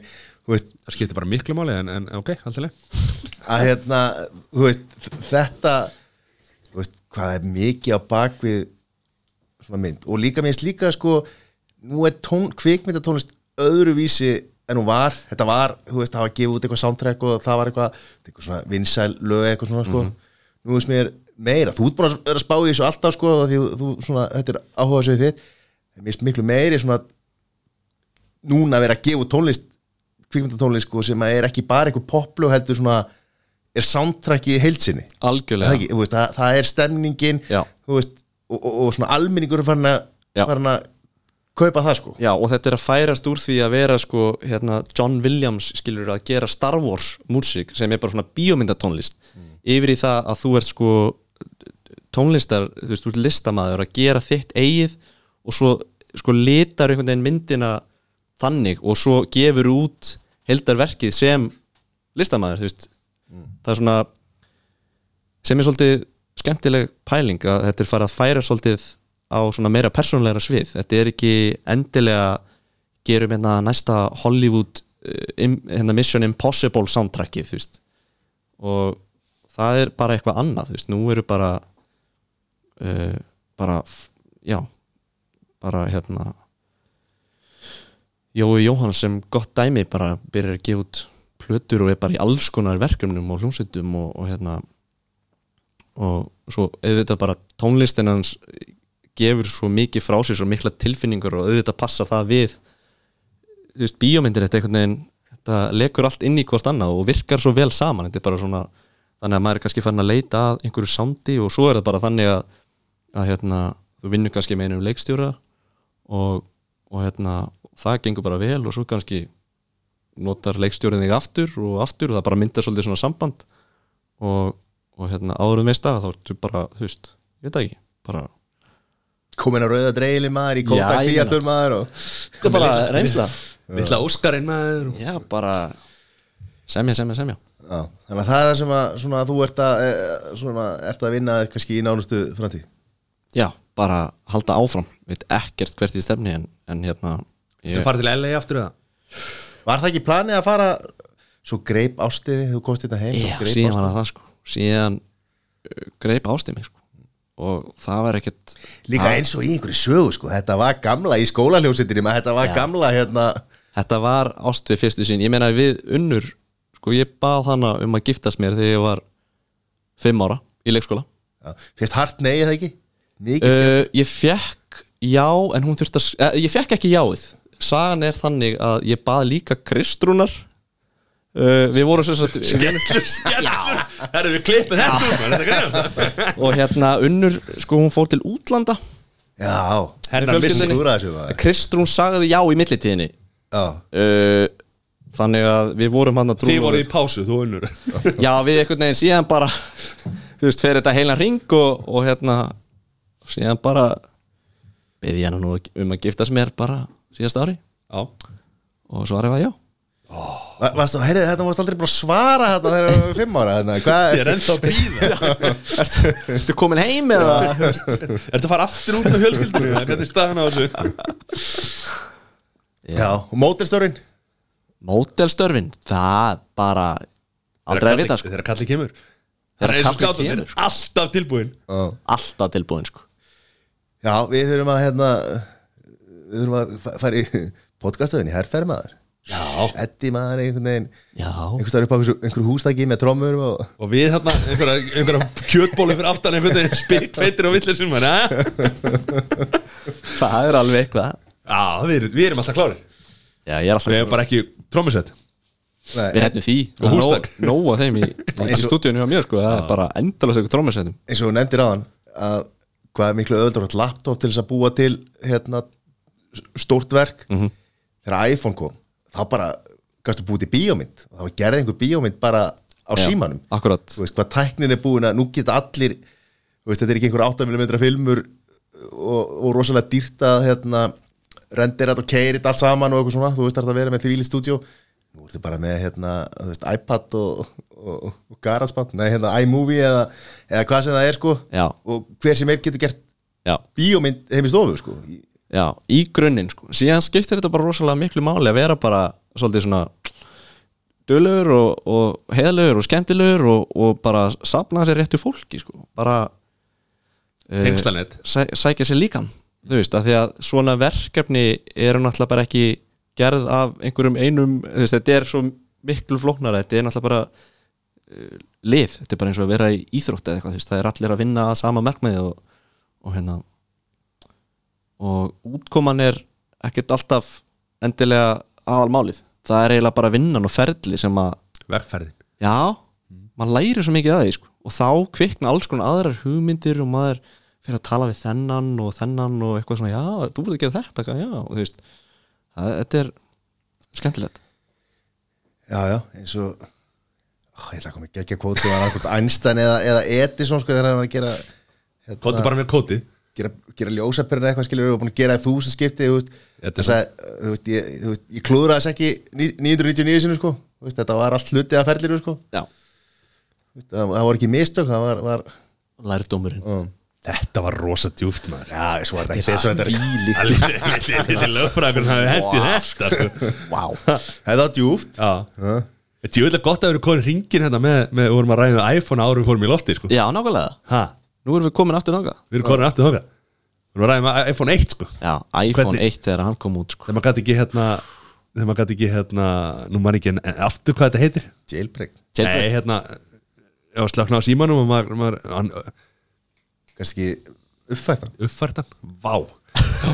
Það þarf að uppfæra kontin á þér maður. Ég það veit er alveg Það er bara hlust Maður uppfærtan að því að þú ert maður að jailbreakan aftur og ef maður kunnið ekki sjálf við þá ert maður að fara með hann til bæ og- já, byrjar að stimpla inn einhverja tölur og íta kassa, þá ertu alltaf inn komin með eitthvað forrið, þetta var alveg crazy sko. Já, ég man, ég man eftir þessari tilfinningu þegar, þegar iPhone var komið til landsins hvað maður svona, hvað þetta var nýtt og spennandi.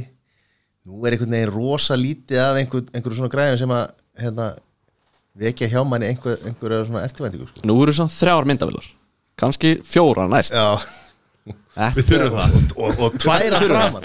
Og helst tvo sko. Og það ætlar að taka selfie með Shaq sko. Þá þarf það að vera með nákvæmlega, vætskip sko, já. en þú veist, þarna- og- Breiðlinsum, Já, sko. já, já.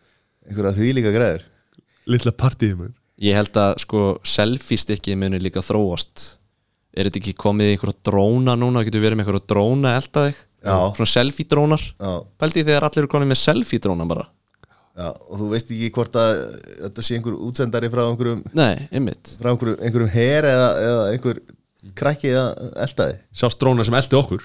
Já, Það er selfie dróni hérna fyrir utan. Já það er selfie dróni Já. já, já. Sjálfsög þetta er líka, þú veist Þú veit svoleiðis. kostaði bara miljón hérna fyrir nokkrum ára síðan svona dróni sko og svo núna færi þetta bara hérna í serióspakka sko. Það var, Já. þú veist, hvað alla græjur svona þú veist hvað þróa sko og hvað við lifum á tímum sem að einhvern veginn það er allt sjálfsagt. Við vorum að tala um aðan að þú veist maður var að taka spólur og maður var að eitthvað að reyna að laga og svo varst að spila tölvuleik og diskurinn eða hérna hvað héti það, leikurinn. Alltaf eitthvað er að blási hann og, og, hérna, eitthvað að berja ón á tölvuna. Já. og bankaði tvís var sko það virkaði það einmitt, blása í og prófa aftur. Já. nú sko, já uh, ég var núna í tíma í skólanum þar sem við vorum að tala um sko þróununa á artificial intelligence og hvernig, hvernig framtíðin er að stefna þangað, AI og sko eins uh, bara magnað og það er þá er það náttúrulega líka þvílíkt skeri sko, af því að Virkilega. Nú er til dæmis hérna og það er, ég held að sé eitthvað svipa á hérna Björk var að gera með Microsoft það er uh, allavega veit ég um Google Magenta sem er bara AI sem að sem sagt, bara tekur inn upplýsingar bara á einhverjum þú veist, fáralega löngum tíma og bara lærir algoritma og bara þú veist, hlustar á uh, sagt, þetta hefur verið gert með myndir þar sem þú bara ferða hérna, robotin getur þekkt munin á ketti eða hundi nema nú er búið að vera að gera þetta með hljóði. Þannig að nú geturu hérna sett inn bara Metallica. Og þá býr róbotinn til Metallica lag fyrir þig. Og notar ekki neitt sko, engin hljóð notar ekki hljóðfæri eða neitt, það bara býr til það bara frá engu. Og það, það hljóma bara Metallica. Þú heyrir það nema að það er allt bjagað og skrítið og klikkað sko. En þá kemur ekki eitthvað eitthva gammalt lag heldur hann býr til nýtt lag úr úr sko þeirra spektruminu af hljóðinu. Já, já. bara hvernig hljóðið er. Hvernig Ek, þetta er ekki sömpliða neitt sko, veist. þannig að í framtíðinni þá hérna bara hendur ég eitt góðan Justin Bieber og þá kemur bara Justin Bieber lag sko. það er klikkað sko. Það hver vill hlusta á hann? Já. Nei, ég segi svona það fer að stytast í það að maður þarf að fara að spurja sko Alexu eða Siri eða, eða Google og hvað þetta allt heitir sko bara hver, hver, hver er ég? hvern, já, hvernig líður mér ég veit ekki hvað, þú veist bara, þá segir Alexa bara já, þú ert depressed já, já, ég veit mitt svo bara, herri, ég er að fá hjartaafall herri, úrið, það er búið að ringja á sjúkrabíl. Sjúkurbílinn er fyrir utan. Já. faraði út í bíl maður.